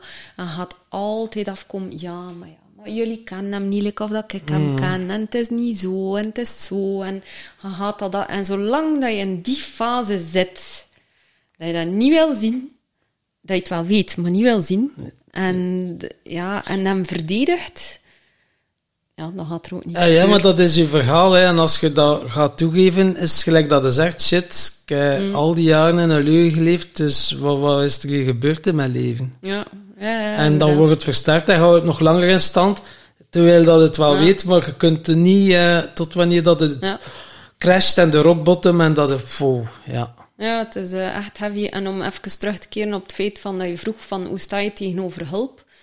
Met die crash nu te hebben, dat is iets heel raar. Dus eh, ja, het is, het is precies dat je plots bij iedereen aan de alarmbel trekt. Eh, want iedereen komt plots bij u, maar terug van ja, je moet dit, je moet dat, je moet, je moet la. En ik had zoiets van, Oma's komen op mensen, bezoek. laat mij met rust, weet wel. En ja, op een bepaald moment vertelde ik dat ook tegen de psycholoog. Van, van kijk, iedereen komt naar mij. Dus iedereen wil mij helpen. Ik ben mij bewust van het feit dat ze allemaal de beste intenties hebben. En dat ze mij echt wel willen helpen. ik zeg tegen hem, dat doen ze niet. Integendeel. Uh, ik zeg, het, het, het, jaagt mij meer en meer op en ik raak eigenlijk meer in de put dan, dan ze mij helpen. Um, maar ze geven mij nog meer dat slechte gevoel dat ik iets niet kan of iets niet juist doe, of, of weet wel, zonder dat zij dat beseffen. Um, en op een bepaald moment stelt hij mij de vraag, en dat is hem dus soms, soms moet je gewoon een vraag krijgen om mm. even na te denken. En zijn vraag was, ja, wat doe je om dan de mensen plots zo, plots bij u komen en van, ja, ik, ik moet hier helpen. Zegt hij, wat is jouw gedrag of wat doe jij die dat uitlokt? Ja, dat was een heel goede vraag. Dat wist ik niet, want ik had niet het gevoel dat ik iets deed. Mm. en, en toen heb ik de, de, de, de, hoe moet ik zeggen, door het feit dat ik heel open praat en zo, en op een bepaald moment zeg ik tegen mijn stiefpapa, het feit dat ik die vraag gekregen heb. Ik zeg het tegen hem, ik zeg, de psycholoog stelt mij die vraag, ik zeg, ik kon daar niet op antwoorden. En hij zegt, ja, waarschijnlijk is dat om, en hij gaf mijzelf het antwoord. Hij zegt, dat is waarschijnlijk omdat je nooit hulp vraagt. En hij zegt, de moment dat wij jou zien crashen, zegt hij mij plots iets van, ze heeft hulp nodig, nu! Mm. Daar waar dat...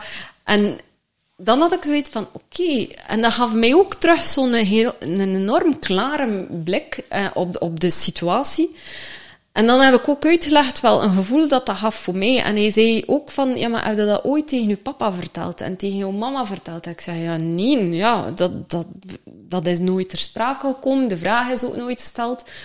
Omdat door het feit dat iedereen wilt helpen, en een van de zaken waar ik heel veel mee geconfronteerd ben sinds de dag dat ik vertrokken ben, is dat verlies van controle. Dus het enige wat je heel snel terug wilt, want uiteindelijk de twaalf jaar dat je gepasseerd bent, in mijn geval, is ook een vorm van verlies van controle. Want ik had mijn eigen leven voor een stuk niet in de hand. Hij bepaalde voor een groot deel hoe dat liep. Zonder dat ik dat besefte, hè, maar... En nu, nu heb ik echt, ik ben er zo op gefocust en, en het, het maakt mij ongelooflijk uh, angstig van zodra dat ik het gevoel krijg van ik verlies grip. Ik heb geen controle meer over de situatie. Ook iets waar dat mij moet overzetten, uiteraard. En dan heb ik dat gezegd van, kijk, ook al ben ik in een situatie zoals nu van ik ben gecrashed, ik zeg laat mij even in mijn hoekje zitten. Zeg, ik ga daaruit gaan, maar laat mij daar gewoon even, even zitten. Die stilte die je nodig Laat mij even inderdaad ja. tot mezelf komen. Al, al, is dat een week, al is dat twee weken, en laat dat... Als het blijft duren, uiteraard moeten ze misschien wel ingrijpen. maar ik zeg, geef mij die kans om daar zelf uit te gaan. Om zelf... En ik zeg, als het met vragen zit, of ergens met een twijfel, ik zeg, ik zal het wel vragen. Maar kom niet allemaal tegelijkertijd op mij af. Wat ik zeg, dat is zo overweldigend. Ik zeg, ik moet daar zelf. En dat, dat is ook in een situatie van narcisme. Mijn ervaring is, niemand kan nu helpen tot op de dag dat je het beseft en zelf de stap wil zetten. Jij bent degene die... Ja, echt wel. Die zelf kunt helpen. Het enige is van... Ja, als je ook maar iets herkent van de situatie, of dat nu narcisme is of iets anders, tolereer het gewoon niet. Het kan niet. Weet wel, er zijn...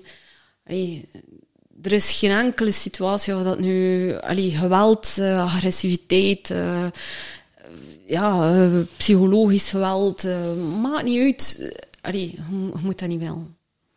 Nee, maar het wordt ook zodanig aangepakt. Het is stapje per stapje. Hè. En je wordt mm. echt zo erin verstrengeld. Het is niet van de eerste keer zo. Hè. Het is zo heel minutieus allemaal gepland, stapje voor stapje. Oei, ze reageert, stappen terug, een beetje lief zijn, ja. hup, een beetje pakken. Het is eigenlijk hetzelfde gelijk een corona-verhaal. Hè. Ja, Stapje, oh, de mensen op, oh ja, een beetje vrijheid geven, ah, dan weer tak. Dat is hetzelfde stramien dat, dat wordt toegepast uiteindelijk. Maar nu is het bij jou natuurlijk heel individueel, met nog uh, ja, al de rest erbij. Mm.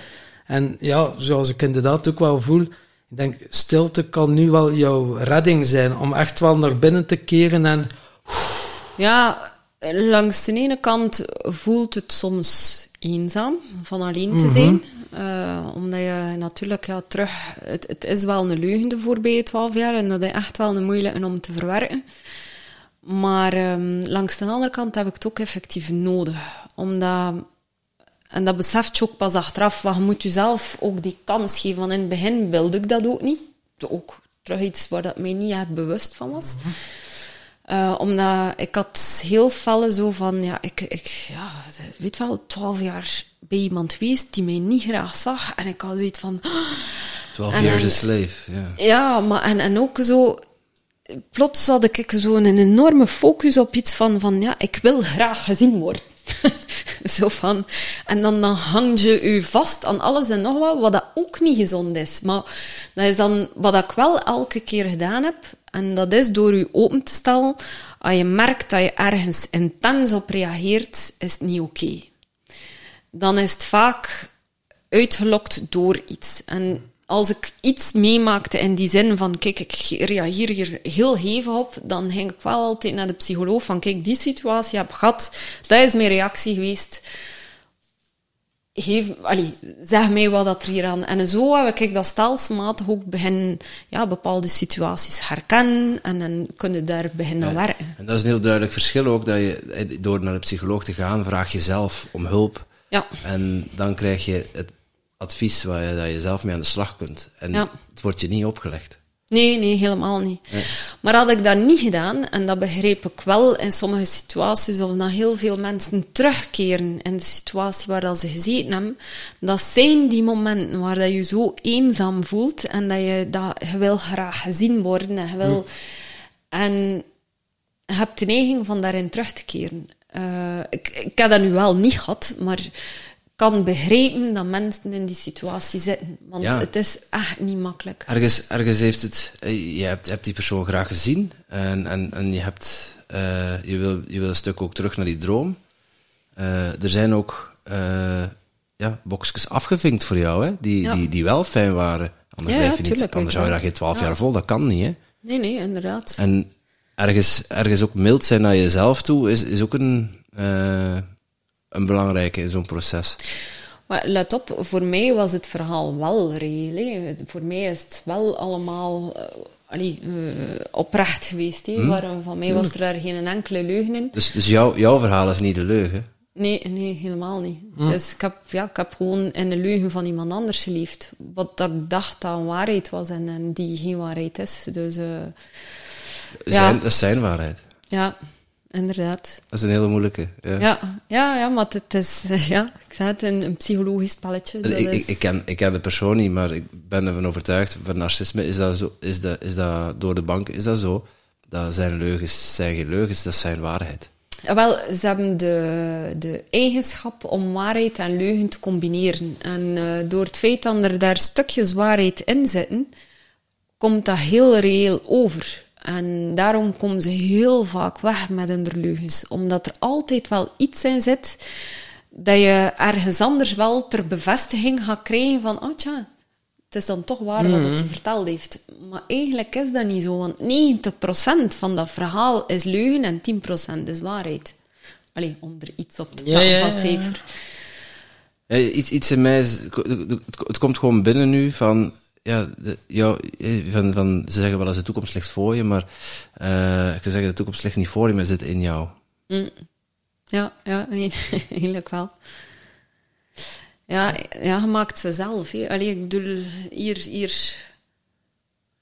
Laat zeggen dat ik ermee bewust van ben dat mijn toekomst nu heel veel afhangt van wat ik ermee doe.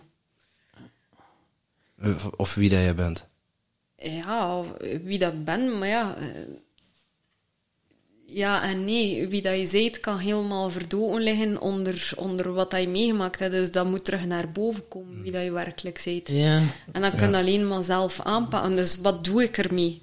Door naar binnen te gaan. En weet je, uw buitenwereld is een reflectie van uw binnenwereld. En dat is alsof dat uw buitenwereld een spiegel is. En als je het in uw buitenwereld wilt fixen, dan zijn je een spiegel aan het fixen. En dat, dat gaat niet. Het is binnen, door je naar binnen te keren en daar te gaan veranderen, dat je een buitenwereld ook gaat veranderen. Ik zeg niet dat het een makkelijk proces is. Hè?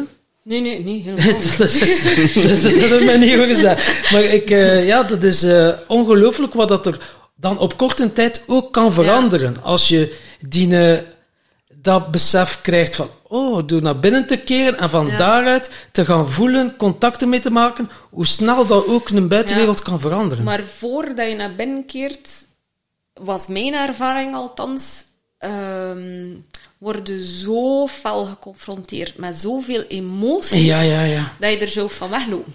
ja. En dat, dat is hem nu net. Laat ze toe, erken ze, ehm, kijkt van waar dat komt, om dat dan te begrijpen.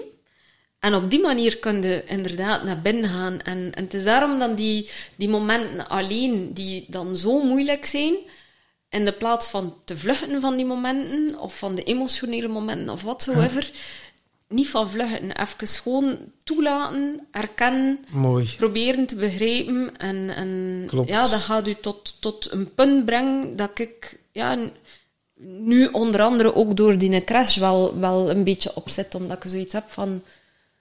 Ja, nee, weet je, het is... Het is goed geweest, Ja. hè, Anja? Het is, eh, Het is genoeg geweest, denk ik. Hè? Je hebt ook recht op kwaliteit in je leven.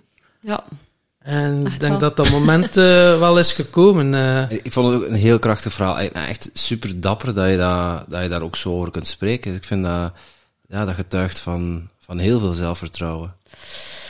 Eh, erover spreken vind ik niet zo moeilijk. Verwoorden wat dat er werkelijk allemaal gebeurd is, vind ik een stuk moeilijker. Want dat is een van de moeilijkheden dat ik in het, in het voorbije jaar gehad heb. En dat ik ook voor een stuk geholpen ben bij de psycholoog. Hij is in de ogen van de mensen van de buitenwereld is, is hij een bepaald persoon. Hij creëert een bepaald beeld. En dan is bijna niet uit te leggen aan de mensen van wat dat je eigenlijk meegemaakt hebt, wat dat je doorstaan hebt. Je hebt er die dan minimaliseren, je hebt er die zeggen van, "Wah, ja, weet wel, die, die zeggen het is geen waar, je hebt er die niet kunnen geloven. En ook dat geeft dus zo'n vorm van, van machteloosheid, van, van ja, ik sta hier helemaal alleen. En de psycholoog zei dat ook op een bepaald moment van, hij zal in zijn verhaal slagen op korte termijn. Dus het feit dat hij iedereen opzoekt en zijn verhaal doet, iedereen gaat hem geloven, want hij is extreem geloofwaardig. En hetgeen dat hij mee afkomt, klinkt zo hek voor woorden, Ja. dan de meeste mensen dat niet kunnen vatten. En, en dat ook niet kunnen geloven, omdat ze dat niet zien in die persoon. En vaak kreeg ik zo ook op de opmerking, maar ja, dat is logisch. Elke scheiding loopt moeilijk. Ja. Zo, weet wel, zo van, die- van die verhalen, dat zoiets hebt. En dan leerde echt wel van... Als je ooit wakker lag van wat dan een ander dacht, dan leerde om daar niet meer wakker van te liggen. Want ja, dan moet je echt loslaten. Want door het feit dat de psycholoog dan ook zei van hij zal slagen op korte termijn, maar op lange termijn gaat hij uiteindelijk Tuurlijk. door de mand vallen, gaan ze u meer en meer gaan geloven. Ook al is dat voor sommige mensen nog steeds moeilijk te vatten hoor, op vandaag. en daarom praat je dat niet Waarom, altijd... waarom eh, gaan ze het ook niet- voor een stuk niet geloven? Omdat een stuk van hun pijn wordt aangeraakt. Dus als ze dat Mhm. vertellen, als ze dat zouden geloven, krijgen ze er pijn. En om met die pijn gaan zeggen, oh, die pijn wil ik niet voelen. Dan gaan ze Ja. u die pijn op een manier teruggeven. Zo, maar ja, dat is toch zo erg niet. Weet je, dat, dat willen Ja, ze niet iedereen- voelen. iedereen Dus probeert is- dat te Dat is minimaliseren, eh, ja, zo dat van, wow, dat, dat gaan wij niet voelen. Ja. En, eh, ja, Hij- dat het. en, en hij doet er niet toe, maar jij doet er toe. Ja. Ja, ja, daar ben ik op vandaag ook van overtuigd. Ja, verhalen en meningen die zullen blijven bestaan. En eh, Ja. dat is gewoon. En dat ligt niet binnen uw cirkel van invloed. Zo simpel is het. Eh, het enige dat jij kan doen, is naar binnen keren, gaan voelen, contact mee maken met die pijn, herkennen, omarmen. Het heeft de functie, oké, het is er voor mij. Erbij blijven, hoeveel pijn dat ook doet. En oké, liefdevol. Vooral. En vanuit een plek van, van liefde en compassie. Oké, ik weet het, je bent er voor mij. Oké, dank u. En op die manier, stapje voor stapje. Maar dat kan niemand voor jou doen. Dat Nee, is enkel alleen. En tuurlijk ga je ook af en toe vluchten of je verdoven, dat het heftig is. En ja, ga je naar de ijskast of dat, of pff, ik weet niet wat. En het gaat beter en beter. Als je daarin gelooft, gaat het dat ook meer en meer lukken. En kun je echt zoveel mooie Ja. dingen helen bij jezelf. En die meningen van een ander, dat, dat blijft. Dat Ja, blijft. tuurlijk. Dat is... en En, en, je, en je, je zegt van ik heb mijn voeding aangepast en ik voel me eigenlijk bijna herboren. Eh, Ja.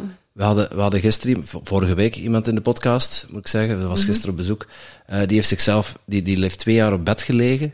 ja, die, kon, amai, die moest ja. zichzelf naar de wc slepen en die ging letterlijk werd opgevreten door, door, de- door de pijn. Door, eh, en die heeft zichzelf geheeld door ook onder andere haar voeding aan te passen en Ja. door ja, de, de situatie niet als door het heft zelf terug in handen te nemen Mhm. en door haar eigen leven te leven. Ja, maar dat is Heel zo krachtig. belangrijk. Ja. Uw eigen leven leven. En uw eigen leven leiden. Niet laten leiden of laten leven. Dat is mooi gezegd. Dat is zo, zo belangrijk. Er zijn zoveel mensen die hun leven laten leven. ja, die, eh, dat ze, is... ze spelen een figurant in hun eigen leven. Ja. En eh, ze zitten daar, ja. Ja. Ja, en belangrijk is ook een van de zaken is, is eh, loslaten. Echt waar. Dat, dat gaat niet direct. Hè. Er, er zijn situaties, allee, like bij die persoon dat je vertelt, oké, dat heeft twee jaar geduurd. Oké, dat duurt twee jaar, maar de persoon in kwestie is er compleet door. En, en dat, dat chapeau, maar elk heeft zijn tijd nodig. Ik heb nu het geluk gehad dat mijn crash drie weken en ja, ik hoop dat hij niet meer terugkeert en dat met de nodige stappen dat ik daar bovenop raak en alleen maar sterker uitkom. Maar ja, neem nu een tijd, laat het toe en ehm, ja, sowieso wordt het terug beter hoor. Hoe dan ook. ja. Dat, dat geloof ik echt om, eh, eh, om de finale versie, eh, de finale van deze podcast in te slaan. Onze podcast gaat over geluk en succes. En wij vragen eigenlijk aan al onze gasten dezelfde, altijd hetzelfde. Eh, van, wat is jouw definitie van, eh, van geluk? Hoe zou jij dat omschrijven? Ik wat ik daar juist zei, mijn woorden, ik ben niet zo goed met woorden. Wat is mijn definitie van geluk op vandaag? Ehm, ik, ik vind mijn geluk in het, eh, vooral in het blij zijn met echt hele, hele kleine dingetjes. En de dingen zien die voor jouw ogen zijn, en soms al heel lang zijn, maar dat je, dat je niet ziet. Mensen hebben soms zoveel meer dan ze maar denken. Dat is, ja...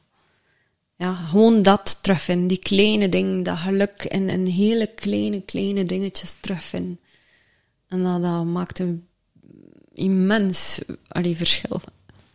Dus ja, op vandaag ben ik gelukkig. Ik heb mijn, eh, allee, ja, ik heb mij mijn serie gehad, ben er tien keer sterker uit geworden. Ik heb mijn crash gehad en ik zal nog mijn, min, allee, mijn ehm, mindere dagen hebben. Maar eh, ja, op vandaag kan ik beter wel... en beter, Tuurlijk, weet op vandaag kan ik wel zeggen dat ik gelukkig ben. Maar ja, met kleine, kleine dingen. Kleine stapjes. En ook eh, kleine stapjes. En wees mild voor jezelf. Hè. We, hebt zo dat proces hè, van zoveel jaar, je kan het niet in één keer. Weet je, dat lichaam, dat is allemaal opgeslagen in je lichaam. En hetgeen dat, hetgeen dat je aan kunt, gaat naar de oppervlakte komen. Ja. En daarbij blijven, dan kan het geheeld worden. En dan genieten als een stukje is geheeld. Maar wees maar zeker, daarna komt er weer iets. En het kan weer iets zijn. Maar het zit er. Maar het betekent ook dat je het aan kan. Ja. Want anders gaat het nog niet naar de oppervlakte komen. Ja. En je gaat die diepere lagen en er ook altijd beter en beter mee om kunnen gaan. Ja, en dat is absoluut. ook wel mooi. Als ik zie wat dat jij nu al gedaan hebt, is wel bewonderenswaardig. Echt wel, dat wil ja. ik eh, toch wel even Dank benadrukken u wel, hoor. Eh, ja, toch echt wel eh, Ja, respect. een, een van de dingen, als ik dat nog mag zeggen, dat is ehm, wat dat bijvoorbeeld heel belangrijk is. Een focus is belangrijk, maar een focus kan even negatief zijn, zonder dat je het weet. En ik heb mij heel lang gefocust op het feit van ik raak niet vooruit in mijn leven, ik niet vooruit en ik wil een succes. eh, en ik bekeek dat dan vooral zakelijk op dat moment. En dan, eh, ja, ik, wou dat zodanig erg dat ik eigenlijk tegelijkertijd ongelukkig was omdat ik het niet had. En omdat het mij ook niet lukte om het te hebben. Maar door eigenlijk Hans die scheiding en Hans dat proces te doorgaan, heb ik gezien van hoe, hoe sterk dat mijn band met mijn kinderen is en welk een gigantisch sterk team dat wij waren. En op een dag was ik maar zo fier op mijn kinderen dat ik zei van, ja, weet je, ik heb mijn succes in mijn leven. Ik, ik heb mijn fierheid in mijn leven. Ze zijn er alle drie. Ze zijn geworden tot wat dan ze zijn. En, en eh, ja, dan plots was mijn, eh, ja, mijn cake werd anders. En, en eh, ja. Oh, normaal gezien stellen we nu, eh, wat is jouw definitie van succes? Maar die gaan we nu Voilà. schrappen, want je hebt ze gegeven. Ja. Mooi. Ja. En focussen op de dingen die je hebt en Ja, niet op de absoluut. dingen die je En niet een- hebt of nog Ja. niet hebt. Nee. In een band met je kinderen, hoe sterk, door dat te zien, ja, dat is onbetaalbaar, Ja. zoiets. En dat eh, is mooi, dat je dat dan ook krijgt en dat ook eh, tot jou neemt en het ook ziet. En wat, wat, staat, wat mooie toekomst staat jullie nog allemaal te wachten. Dus dat is het ook weer. Dus eh, Inderdaad. Heel mooi. Michel. Dan, ja, dan vragen we, willen we jou nog gewoon vragen om een vraag te bedenken van, voor onze volgende gast. Een vraag te bedenken voor de volgende gast. Uh. Waar is de vraag mee gestart? De, de, eh, nou, wij, wij- laat ik het zo zeggen, wij stellen eh, al onze gasten een, een vraag van de vorige gast. Het is leuk als dat een vraag is waar de- onze luisteraars ook over kunnen nadenken.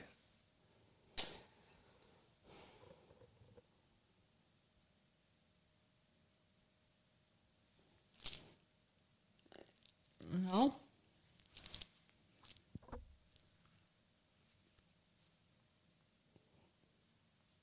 Ja, ik, ik, ik zou eerder terugkeren op de vragen die mij net gesteld geweest zijn. Maar, Dat kan, ehm, kan. Vra- vraag wat je... Vraag wat wat- wat in je komt in je opkomt. Ja.